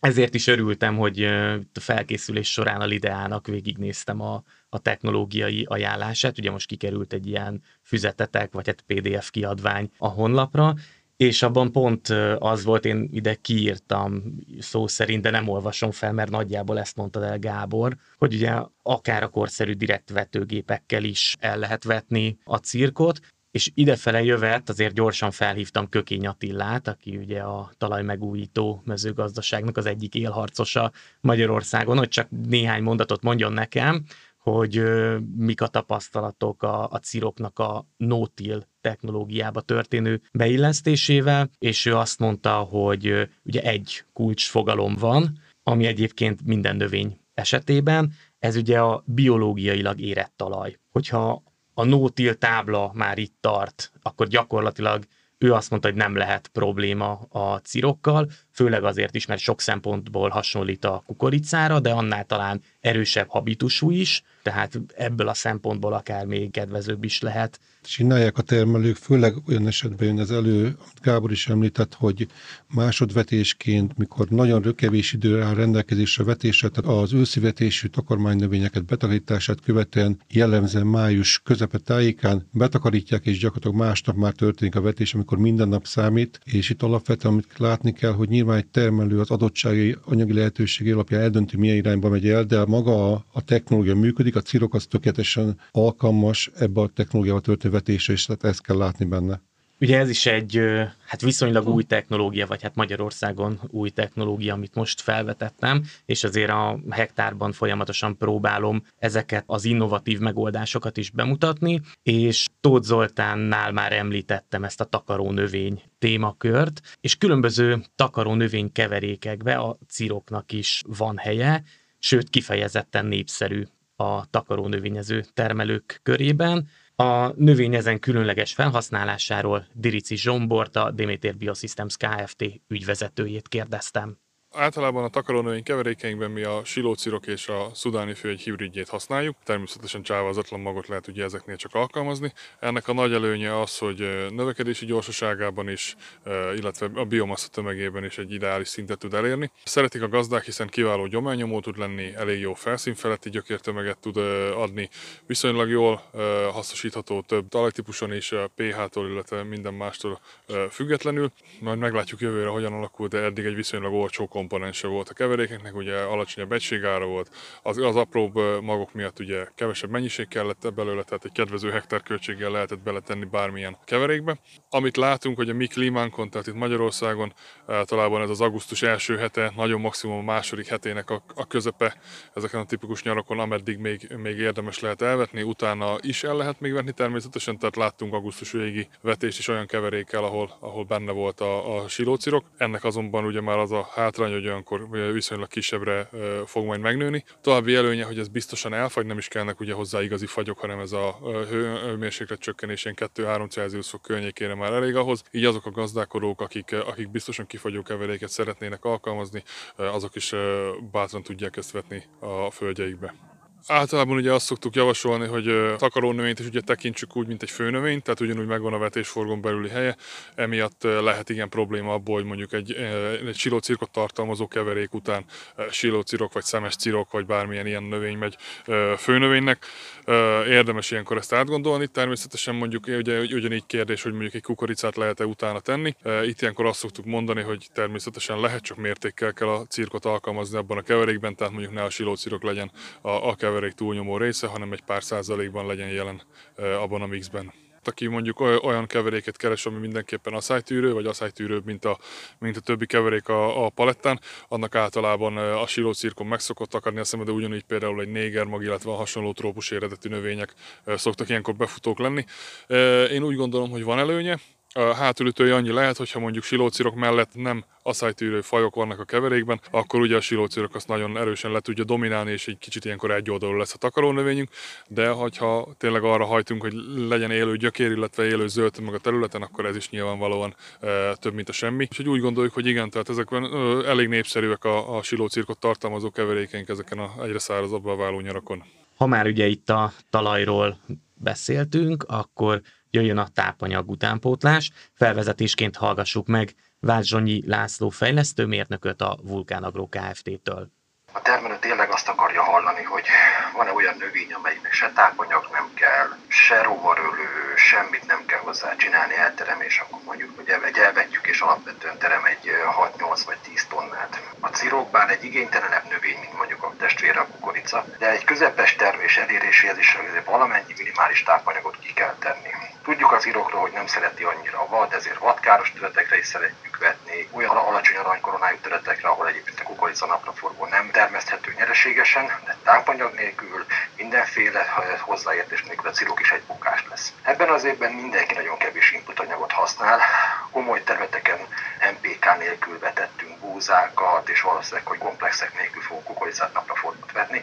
Én abban nem hiszek, hogy valaki majd a cirok elé fog tenni két-három más a komplexet, vagy még egy-két más a nitrogén. De tápanyag nélkül nem fog jól működni. A cirok az egy fehérje növény is alapvetően, magasabb a beltartalom, a fejre tartalom, mint a kukoricái, ezért vannak olyan dolgok, amiket meg kell mindenképpen csinálni. Szóval 100-200 liter vagy kiló nitrogén nélkül szinte nem lehet jó cirkot termelni.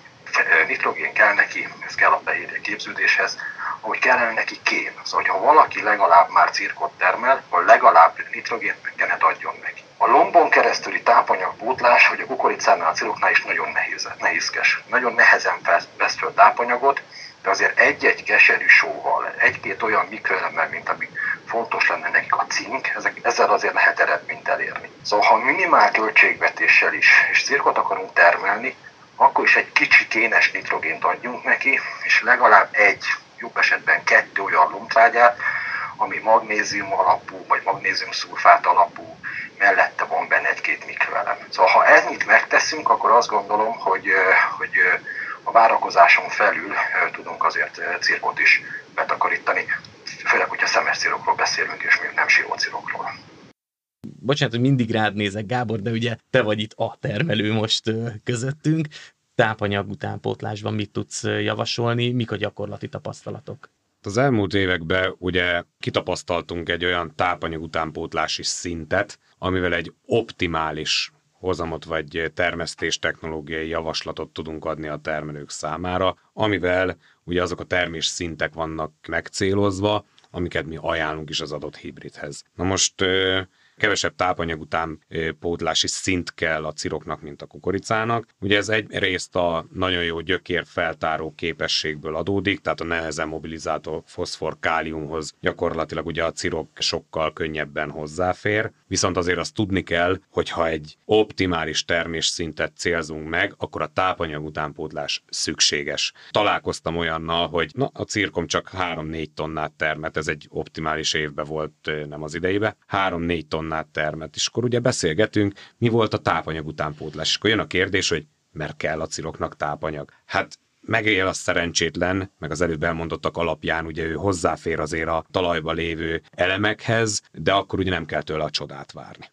Van egy optimum technológia, amit ugye mi javaslunk, van az intenzív, amit meg ugye már tényleg ott, ott azt kell mérlegelni, hogy a ráfordítás és ott a, a hozambeli korrelációnál hogy alakul, de az az optimum technológia, amit mi javaslunk, ahhoz gyakorlatilag nitrogén esetében hatóanyagról beszélek, 80-100 kg nitrogén hatóanyag az, ami gyakorlatilag egy ilyen 7-9 tonnás termésszint optimális évben megcélozható, ez megint csak környezeti vagy a területkérdés, illetve a adott tenyészidőszakban lévő csapadékmennyiség, de ez a termés szinthez ez egy optimum. Tehát ettől eltérhetünk ugye negatív irányba is, meg pozitív irányba is, amit mondtam az előbb. Kálium esetében egy ilyen 70-90 kg, itt megint kérdés az, hogy egy talajvizsgálattal azért Magyarországon a kálium ellátottság azért nagyon sok helyen ugye azért elég ideális, illetve a foszfor esetében egy ilyen 60-70 kg-os hatóanyag szükséglete van a ehhez termésszinthez való eléréséhez.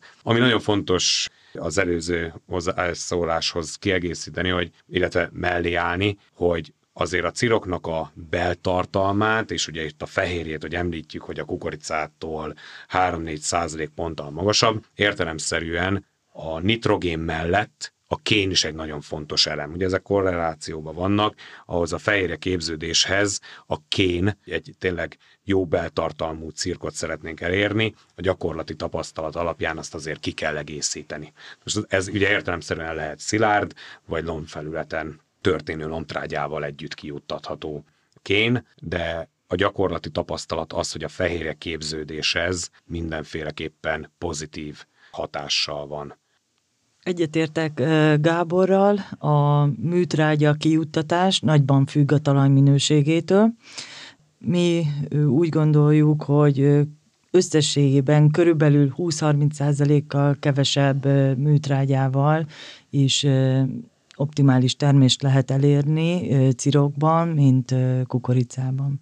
László? Mi annyit szoktunk mondani a termelőknek, nagyon sok elhangzik ez a lassan már szlogengé vált kifejezésünk, hogy a cirok nem egy igénytelen növény, csak szerényebb az igény, mint a kukoricáé. Mi azt látjuk nagyon sok termelő számára, hogy tisztába kell tenni úgy a dolgokat, hogy mi mindig egy átlagos évre kell, hogy készüljünk.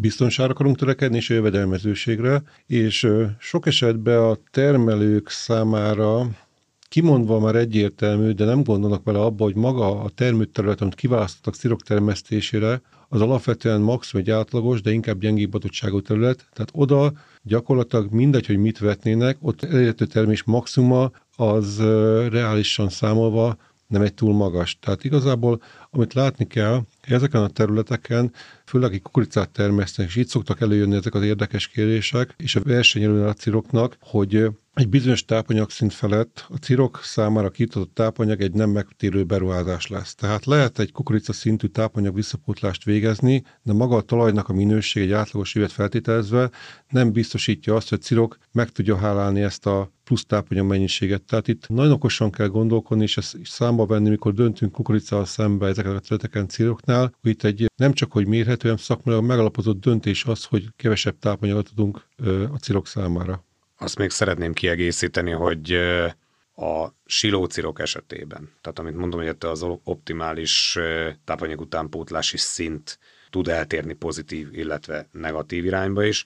A silócirok esetében a 100 kg nitrogén hatóanyag hektáronként ott nem igazán javasolt meghaladni, ugyanis ezek, főleg ezek a új korszerű hibrideknél annyira ki van hegyezve gyakorlatilag a nemesítési dolgokból kifolyólag a, a hozamra és a beltartalomra lévő nemesítési irány, hogy a túldozírozott nitrogén azért a megdőlésre hatással lehet. Ez gyakorlati tapasztalat. Most nem azt mondom, hogy nem lehet ilyen 120 kilóig elmenni, vagy 100-120 kilóig, de azért ugye nagyon sokan, főleg mikor egy intenzív, vagy egy olyan elképzelés hogy tömegtakarmány, és akkor hat kajáljon, mert gyakorlatilag gyakorlatilag nagy a habitusunk, nagy a növény, nem javasolt. Igaz, hogy lehet, hogy kicsit előugrok, de akkor itt, itt szeretnék még egy dolgot tisztába tenni, az a megdőlés. Tehát sokszor találkoztunk a piacon egy ilyen termelői tapasztalattal, hogy pezzeg nálam meg a szomszédon megdőlt a silócirok. Ez létező dolog, előfordult, mi is láttunk ilyen területeket, csak nem mindegy, hogy miért dőlt meg ez a dolog. Tehát minden cég esetében a silócirokoknál az egyik, ha nem a legfontosabb kiemelt nemesítési cél,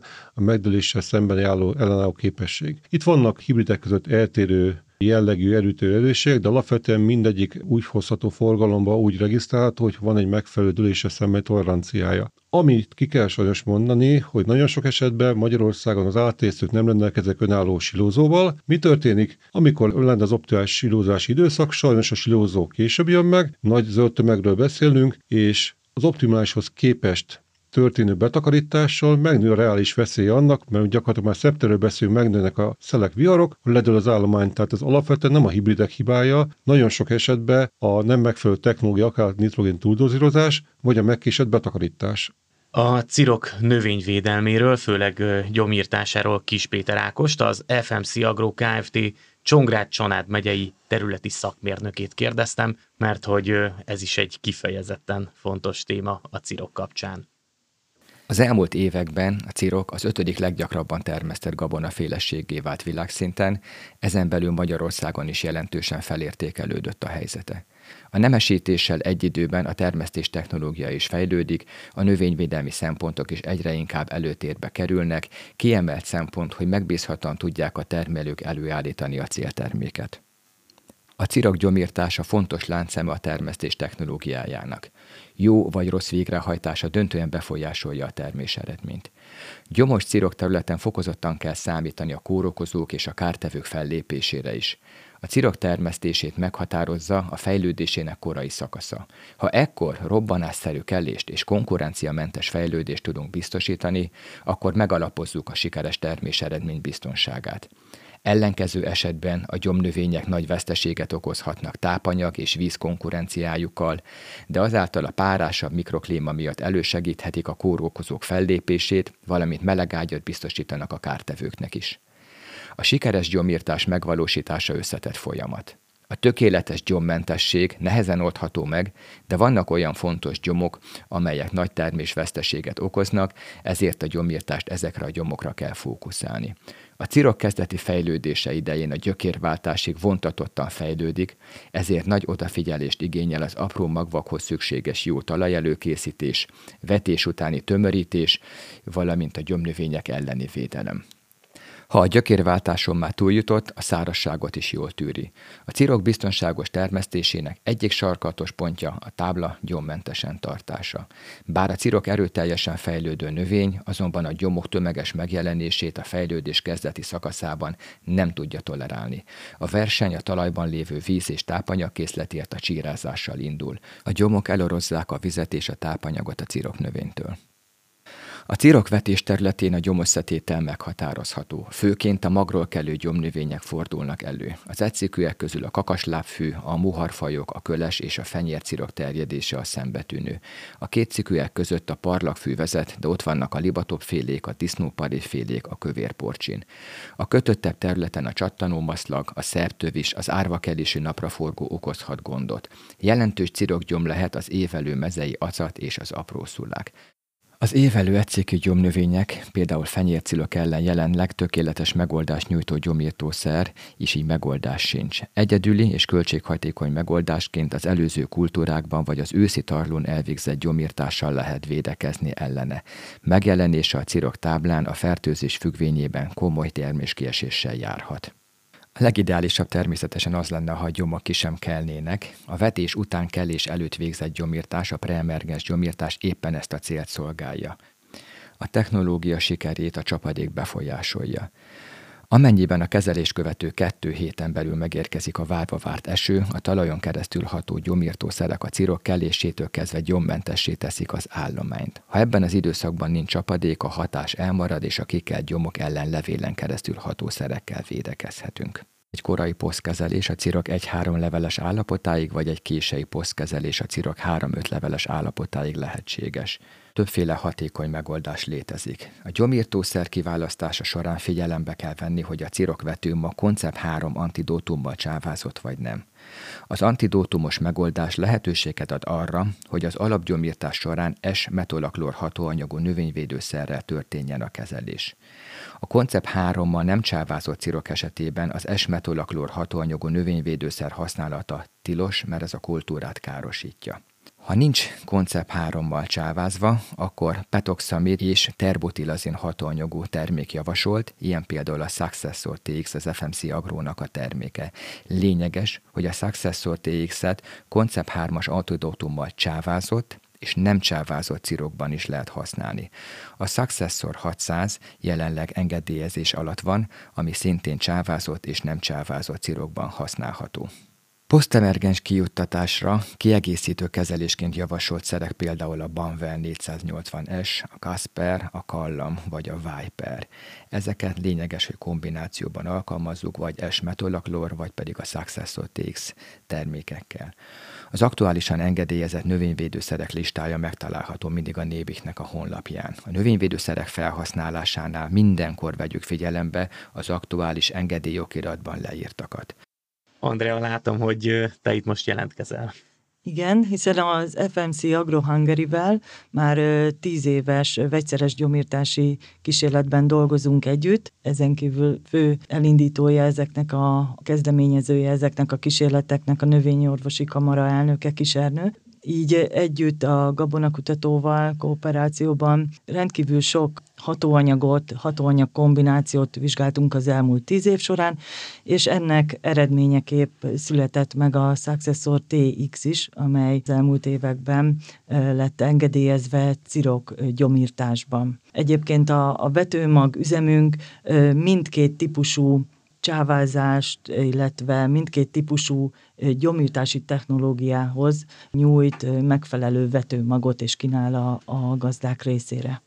Ugye itt az FMC-vel való együttműködést azt láttam, hogy a Lideával is szoros, ugye például a, a, a már imént említett, vagy korábban említett katalógusban is FMC-s ajánlások szerepelnek. Gábor megint mint gazdálkodói, termelői tapasztalat miatt hozzád fordulok. Gyakorlatilag azért nagyon nagy részben ugye koncept 3 antidótummal kezelt vetőmagokat használunk, Akármelyiket említjük, a Concept 3 esetében ugye az esmetaloklor az, ami használható, a Concept 3 antidótum nem indokolt, ugye a petoxamid vagy a penoxulám hatóanyagú szereknél. Nekem az a gyakorlati tapasztalatom, hogy azért, azért a legideálisabb egyszikű kikapcsolás azért az alapkezelésben rejlik. Ott pedig ugye a bemosó csapadéknak szinte minden esetben van szerepe, bizonyos hatóanyagnál több, bizonyos hatóanyagnál már kevesebben is jó eredmény érhető el. Most a Concept 3-ra visszatérve, ugye az esmetaloklor esetében, ami egy és két szikű gyomokat ugye csírában gátol. Ugye nekünk az a gyakorlat, hogy elvetjük a cirkot, és gyakorlatilag onnantól kezdve ugye figyeljük a csapadéknak az erőre jelzését. Ez a legnehezebb egyébként, tehát én ezzel tisztában vagyok, meg ugye gyakorlatból tudom mondani, amennyiben elvetem a cirkot. Ha mutatja az esőt, rá egy-két napon belül, akkor azonnal mehet ugye a, az esmetalkloros kezelés ugye a táblára. Amennyiben elvetettük a cirkot, és nem mutat csapadékot, akkor várjunk vele. Ugyanis ez a antidótum, a koncept 3, a cirkot, az vetéstől a cirok három leveles állapotáig védi meg gyakorlatilag ugye ettől az esmetaloklortól. Az azt jelenti, hogy a vetéstől cirok három leveles állapotig van időtartamom kiuttatni bármikor ezt a növényvédőszer. Viszont kell hozzá a bemosó csapadék legalább egy 10-15 milli, hogy ez ugye eredményesnek mondható legyen. A cirok háromleves állapotig a legjobb időjárás és talajba lévő nedvesség mellett is eltelik körülbelül egy ilyen 10-12 napos nagyságrend. Ez a 10-12 nap alatt, amennyiben nem jön csapadék, ne adjuk oda az esmetaloklort, hanem azt a cirok háromleveles állapotában juttassuk ki. Ugyanis eddig ugye megvédi a, az antidótum, és a tartam hatása ezeknek a szereknek, amivel az esmetalkor megtalált, most direkt nem akarok nevet mondani, az gyakorlatilag általában egy ilyen 14 napos, kéthetes tartamhatású szereg, ami azt jelenti, hogy vetés, ami mondjuk május első napjaiba történt meg, 12 napon van arra, hogy cirok három leveles állapoton van. Ez alatt nagyon reméljük, hogy jön a csapadék, kiutattató előtte, bemosódik. Ez a legideálisabb. Tehát az a, úgymond a, a preemergens kezelés. Csak ugye mindig itt szokott jönni a kérdés, ha nem jön a csapadék. Akkor viszont megvárjuk a cirok három leveles állapotot. Cirok három leveles állapotnál kiuttatjuk az esmetakort, meg utána ugye már sok jelentősége nincsen, mert annyira el fog szállni gyakorlatilag a, az egyszikű fenológiája, a gyom egyszikű fenológiája, hogy sok eredményessége már nem lesz. Viszont ott még van körülbelül két hetünk, amíg ugye jöhet a csapadék, és még hatékony lesz a növényvédőszerünk. Ezáltal kitoltuk az egyszikük kikapcsolására alkalmas növényvédőszerünket május elejétől gyakorlatilag már majdnem május végéig, mert egyszer volt 12 napom, meg onnan még hozzárakjuk ugye a 14 nap tartamhatást. Így teljes májusba van lehetőségünk úgymond az egyszikűeknek a visszafogására. Ugye ez a Concept 3-as technológia az antidótummal kezelt vetőmag esetében. Mi egyébként azért szeretjük ezt használni, mert itt bármelyik szóba jöhet. Tehát az esmetaloklor, a petoxamid, a penoxulám, gyakorlatilag itt nincs kérdés. A Lidl meg gyakorlatilag ugye csak így hozza forgalomba az anyagait, úgymond tényleg bárkinek bármilyen megoldása szóba tud jönni, amit szeretne választani. Ugye itt van több termék is a, a piacon. A petoxamid hatóanyagú növényvédőszer, illetve a terbutilazin, az előbb említett esmetaloklor mellett is azért a terbutilazin azért ott van. A petoxamid hatóanyagnál szintén, ugye ő is csírát gátol, szintén fontos a bemosó csapadék. Tapasztalataink alapján ott egy picivel még többre is szükség van, hogy optimális eredményt érjünk el, viszont ott osztott kezelésbe meg lehet azt csinálni, hogy egy alap preemergens kiuttatás, és ugye egy korai poszt kiuttatásban alkalmazható a petoxamid. A penoxulám, ami most egy új történet, amit korábban rizsben volt használatos, és most van már a, a cirokban is lehetősége, ott pedig úgymond a posztkezelést cirok 5-6 leveles állapotig el lehet végezni. Egyébként eléggé optimális olyan hatással, ami a funkcióját tekintve az egyszikűeket, mert erre az időszakra, amikor a cirok már ugye 5-6 leveles, azért az egyszikűek már komolyan kim vannak, tehát a, a muhar vagy a kakaslábfű, viszont ott a hatásmechanizmus a gyakorlati tapasztalat alapján az, hogy abba a fenológiába megfogja az egyszikűt a penoxulám, a cirok pedig versenyelőnnyel lenövi, és borít gyakorlatilag ez is egy megoldást tud jelenteni, bár az én tapasztalatom az, hogy inkább ott van ennek nagyon nagy jelentősége, ahol valamilyen okból kifolyólag elcsúszott az alapkezelés, akár az időjárás tekintetében, akár a munkacsúcsok miatt ez egy megoldást jelenthet egy elkésett növényvédelemre, illetve úgy elkésett növényvédelemre, hogyha mondom valami miatt meghiúsult az alapkezelés minél hamarabb kapcsoljuk ki az egyszikűt, értelemszerűen annál jobb lesz azért az eredményünk. Kivételesen Lászlóhoz fordulok először, jó? mert, mert mindig ugye a, a hölgy szerep miatt Andrea az első, de picit akkor most te szólalhatsz meg először. Amit látni kell, hogy a növényidőszer gyártók szempontjából a cirok még mindig egyelőre egy kis kultúra, viszont azt is látni kell, hogy dinamikusan növekszik, tehát nekünk most már a Lidának évek óta van a vezető növényvédőszergyártókkal folyamatosan kísérlete, hiszen próbáljuk közösen megtalálni azokat a megoldásokat, amik legjobbak a termelők számára. Koncept 3 esetében pedig azt szeretném tisztázni, tehát a Koncept 3 azt kell látni, az egy lehetőséget ad a termelők számára, és a termelők, a helyi gyomviszonyok, a növényvédő szaktanácsadójuk, a LIDA egyéb szakemberek segítségével eldöntheti, hogy melyik növényvédőszer megoldás lesz a legjobb. Nem leegyszerűsít arról szól dolog, hogy ha rajtam a koncept 3, akkor bármit lehet használni, ha nincsen rajta a koncept 3, akkor csak bizonyos típusú növényvédőszereket, a megoldás lehetőségek a termelők kezébe van adva. És mi ezért csak a LIDA csak így hozza forgalomba az összes vetőmagját. Én is legfontosabbnak az alapkezelésben történő gyomírtást tartom, azonban én a Successor TX petoxamid terbutilazin hatóanyagú gyomírtószernek a rugalmas felhasználhatóságát emelném ki, hiszen nem csak egycikű, kétcikű gyomírtásra, hanem preemergens, illetve posztemergensen is felhasználható, akár korai posztba vagy kései posztba. Tulajdonképpen a cirok egy hét leveles fejlettségű állapotáig. Ezt főként nagyon értékeljük a vetőmag előállításnál, hiszen a, a cirok vetőmag előállítása során, ugye mivel hibrid előállításról van szó, a két szűnővonal egy táblán levő nagy tömeg keresztezéséről van szó, és ebben az esetben tulajdonképpen frakcionált vetésre van szükségünk ahhoz, hogy a két szülővonal összevirágozzon, és mivel különböző időbe vetjük a, a különböző szülővonalakat, ezért nagy könnyebbség számunkra, hogy ez a rugalmassága megvan a felhasználhatós, a gyomírtószer felhasználhatósága tekintetében. Hogyha a technológia az utolsó pont az gyakorlatilag a betakarítás, szárítás, esetleg tárolás. Gábor, mik a tapasztalatok ezzel kapcsolatban?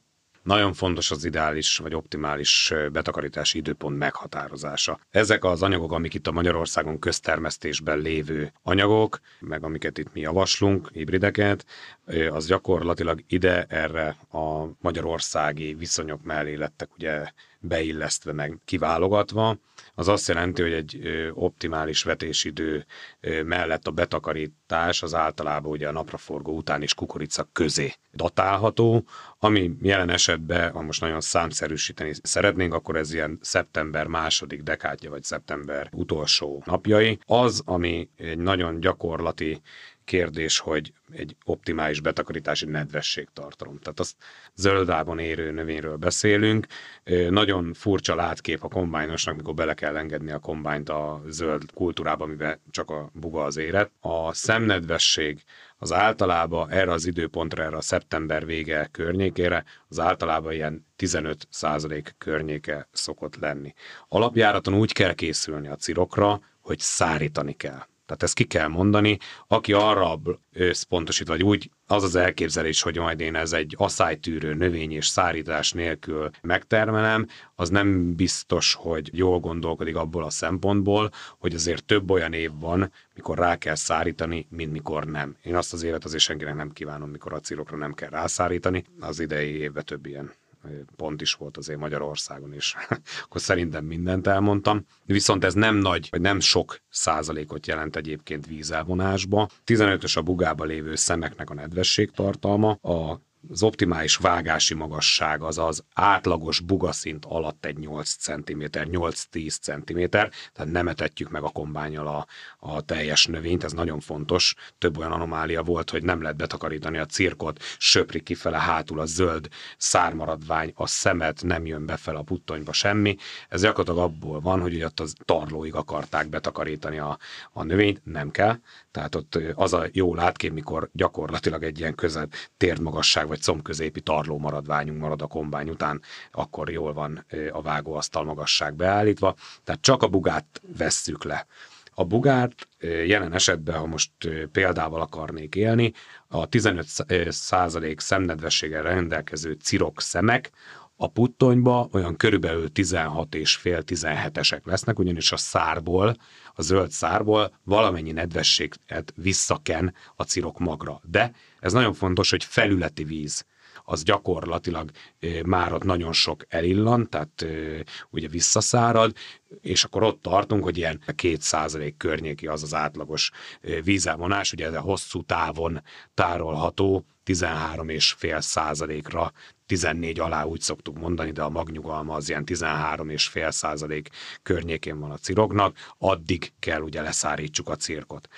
És visszatérve, az egy jó látkép, amikor a puttonyba mért cirok nedvesség tartalma ez a 16 és 17 százalék között van.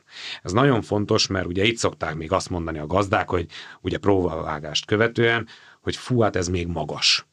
És akkor mi történik? Vár vele. Bejön a kukorica, kimarad még három-négy hétig a növényünk, tehát teljesen biztos, hogy a cirok lesz az utolsó kultúra, amit, amit betakarítanak a gazdák, és mi, mi történik ebbe az időpontba? Jön a reggeli harmat, megszívja magát a növény. Na, akkor még napközben azért szeptember végén az idei évben is azért még elég jó hőmérsékletek voltak, vagy jó idő, napközben visszaszárad. Reggel megint megszívja magát harmattal, visszaszárad. Jönnek az esők, és gyakorlatilag azonnal bereagál, nem úgy, mint a, a kukorica, azonnal bereagál ugye a nedvesség tartalomra.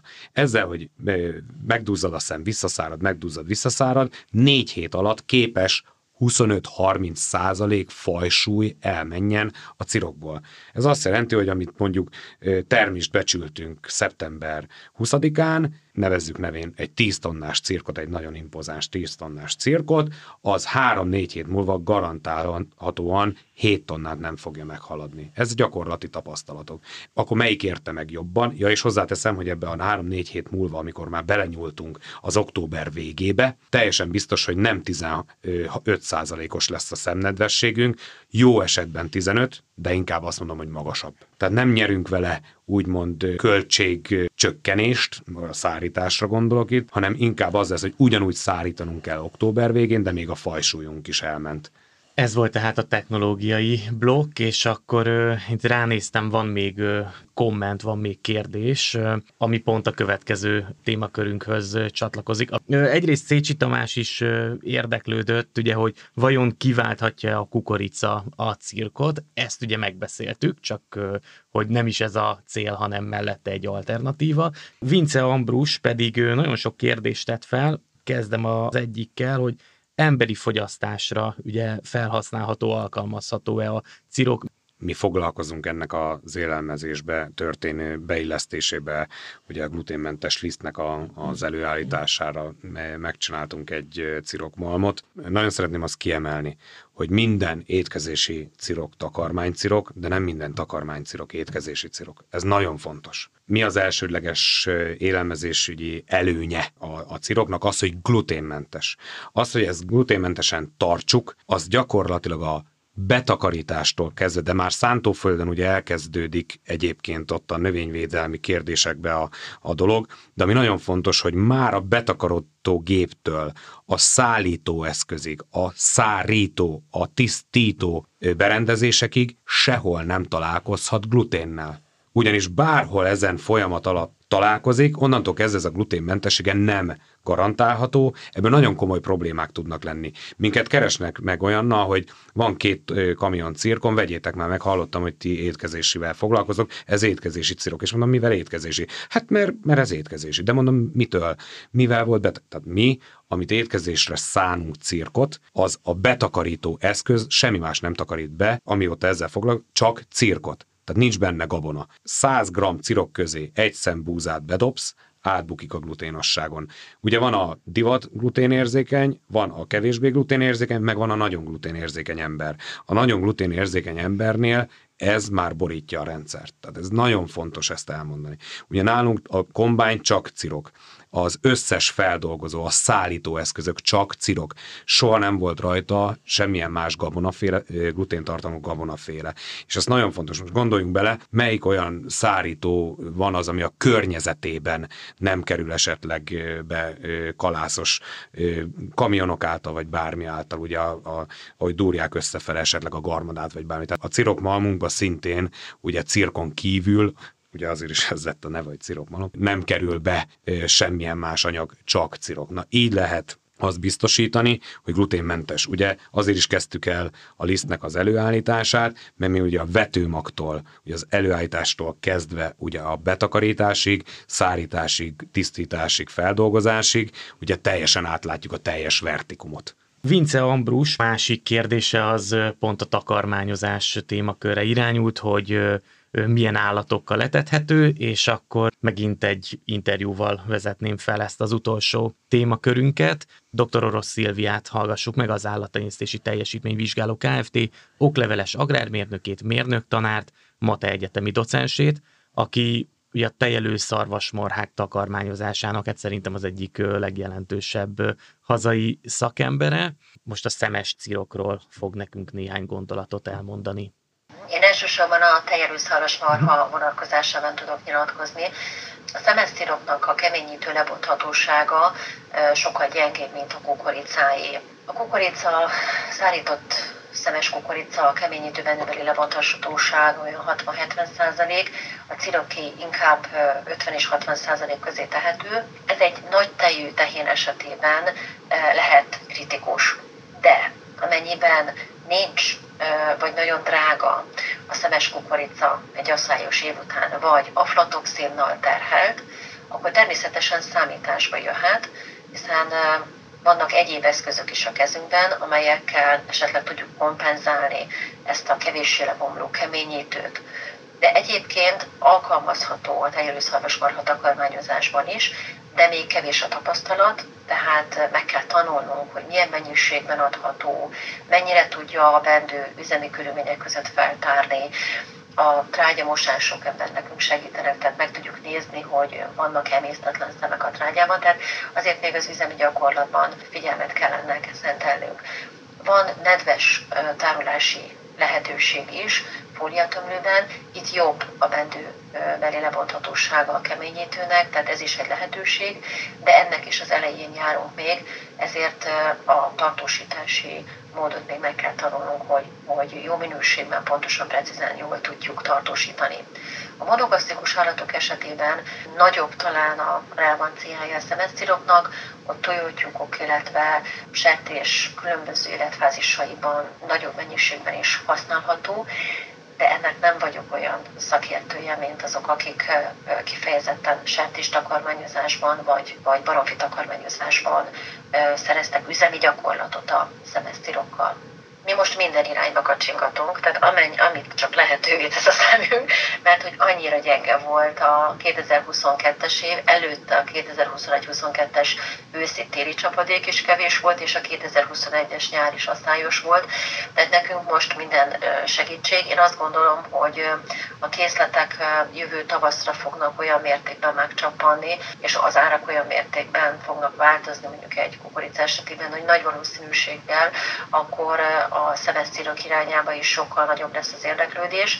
Jelen pillanatban azt, azt tudom mondani, hogy a silócirok maga az, mint tömegtakarmány, ami egyértelműen ma már elfogadott, és ahol lehet, ahol van rá lehetőség, terület, illetve a betakarítását meg tudjuk oldani, ott ott egyértelműen már elfogadott. A szemesztírok irányában pedig, pedig tapogatózunk, figyeljük a szomszédos telepeket, a cikkeket, a, nem, nem én természetesen, hanem a telepvezetők, mivel a szarvasmarha egy többüregű összetett gyomrú állat, ezért nálunk nem olyan egyértelmű a reakciókat felismerni, mert sokkal bonyolultabbak az lebontási folyamatai, mint egy monogasztikusban.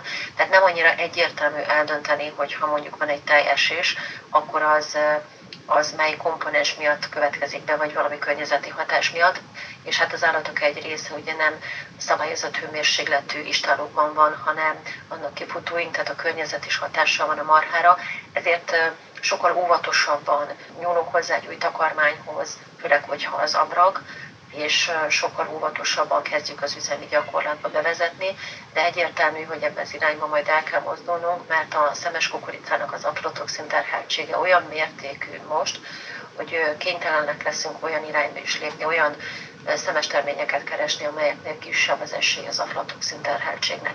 Ez is egy fontos szempont lesz, nem csak az emészhetősége vagy a tápláló értéke a ciroknak.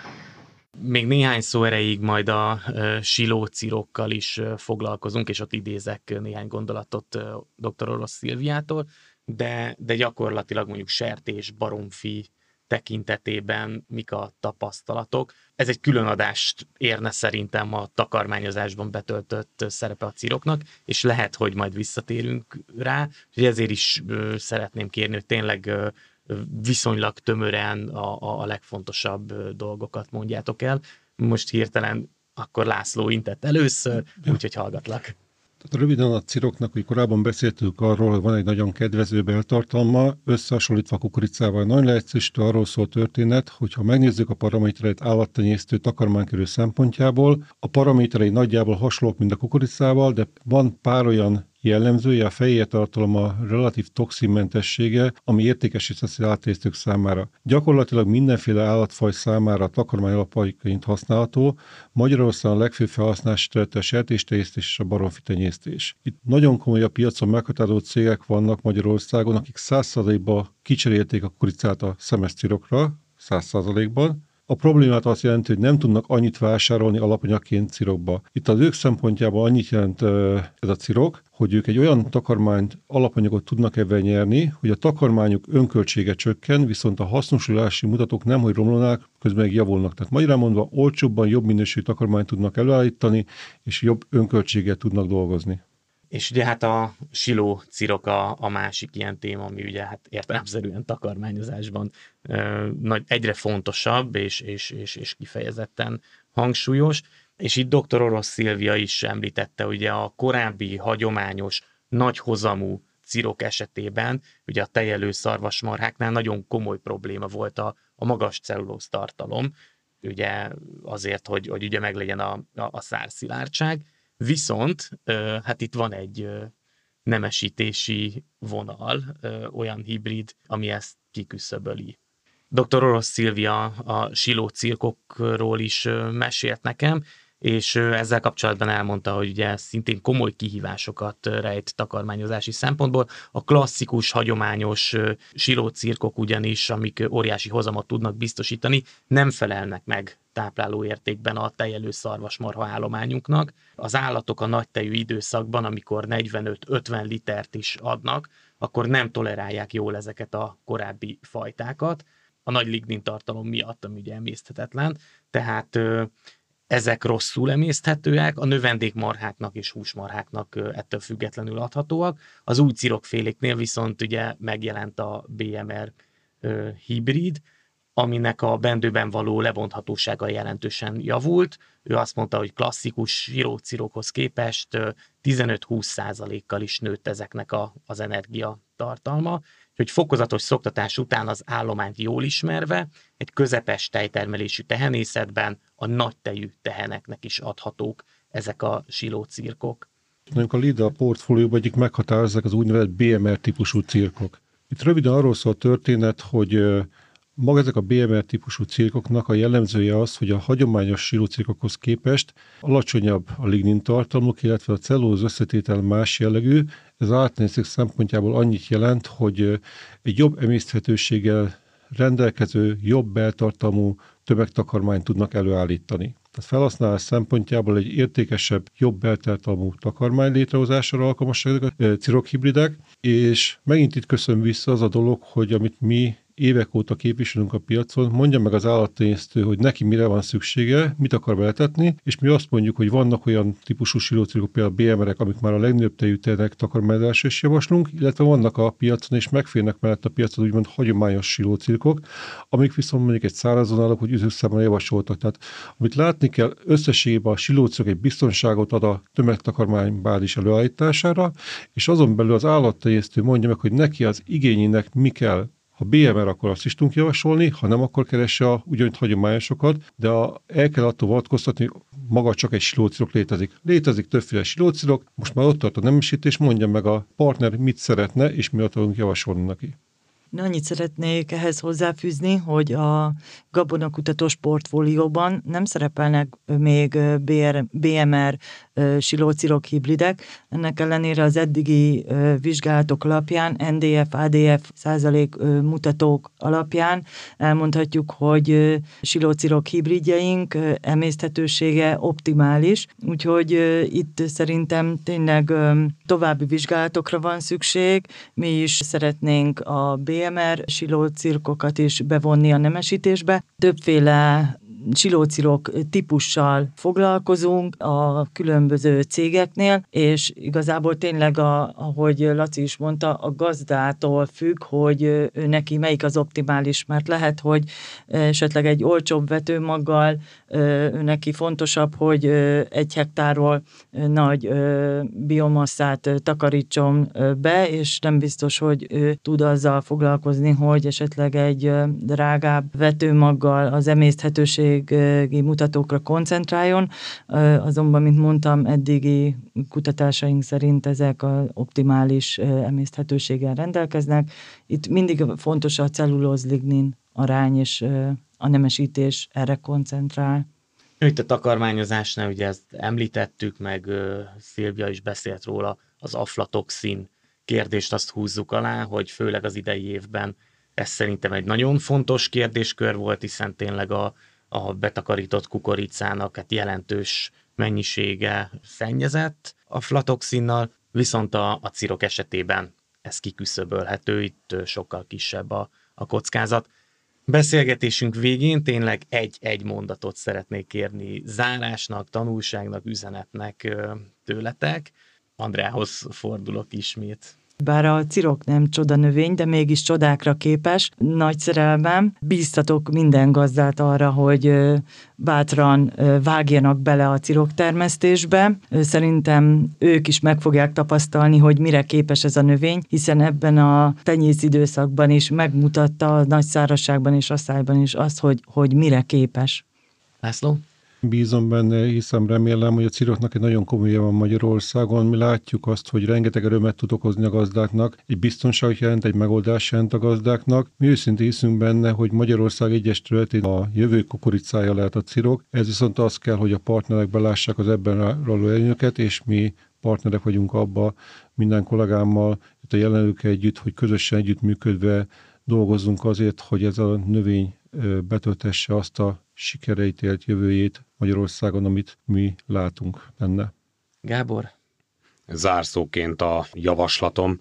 Nagyon régóta foglalkozunk cirokkal, tehát maga a cégünk is ugye több mint 32 éve foglalkozik cirokkal, működik, Magyarországon működik, akár a termesztése, jelen esetben ugye a hazai piacnak a bővítésének lehetőségei az gyakorlatilag én úgy gondolom, hogy elég szerteágazó és, és még komoly lehetőség rejlik benne. Én nekem annyi a kérésem, hogy kérjünk segítséget, tehát hogyha szeretnénk cirokkal foglalkozni, akkor ne az legyen, hogy egy rossz szájíz legyen az első év után, mert én most elvetettem a cirkot, és akkor a növénykér, növényvédelmi kérdésekből nem voltam tájékozott, vagy, vagy olyan ezek az előbb említett anomáliák közül bármelyik ugye bejön, és utána elmegy a kedv. Nagyon komolyan vannak már leírt szakanyagok róla.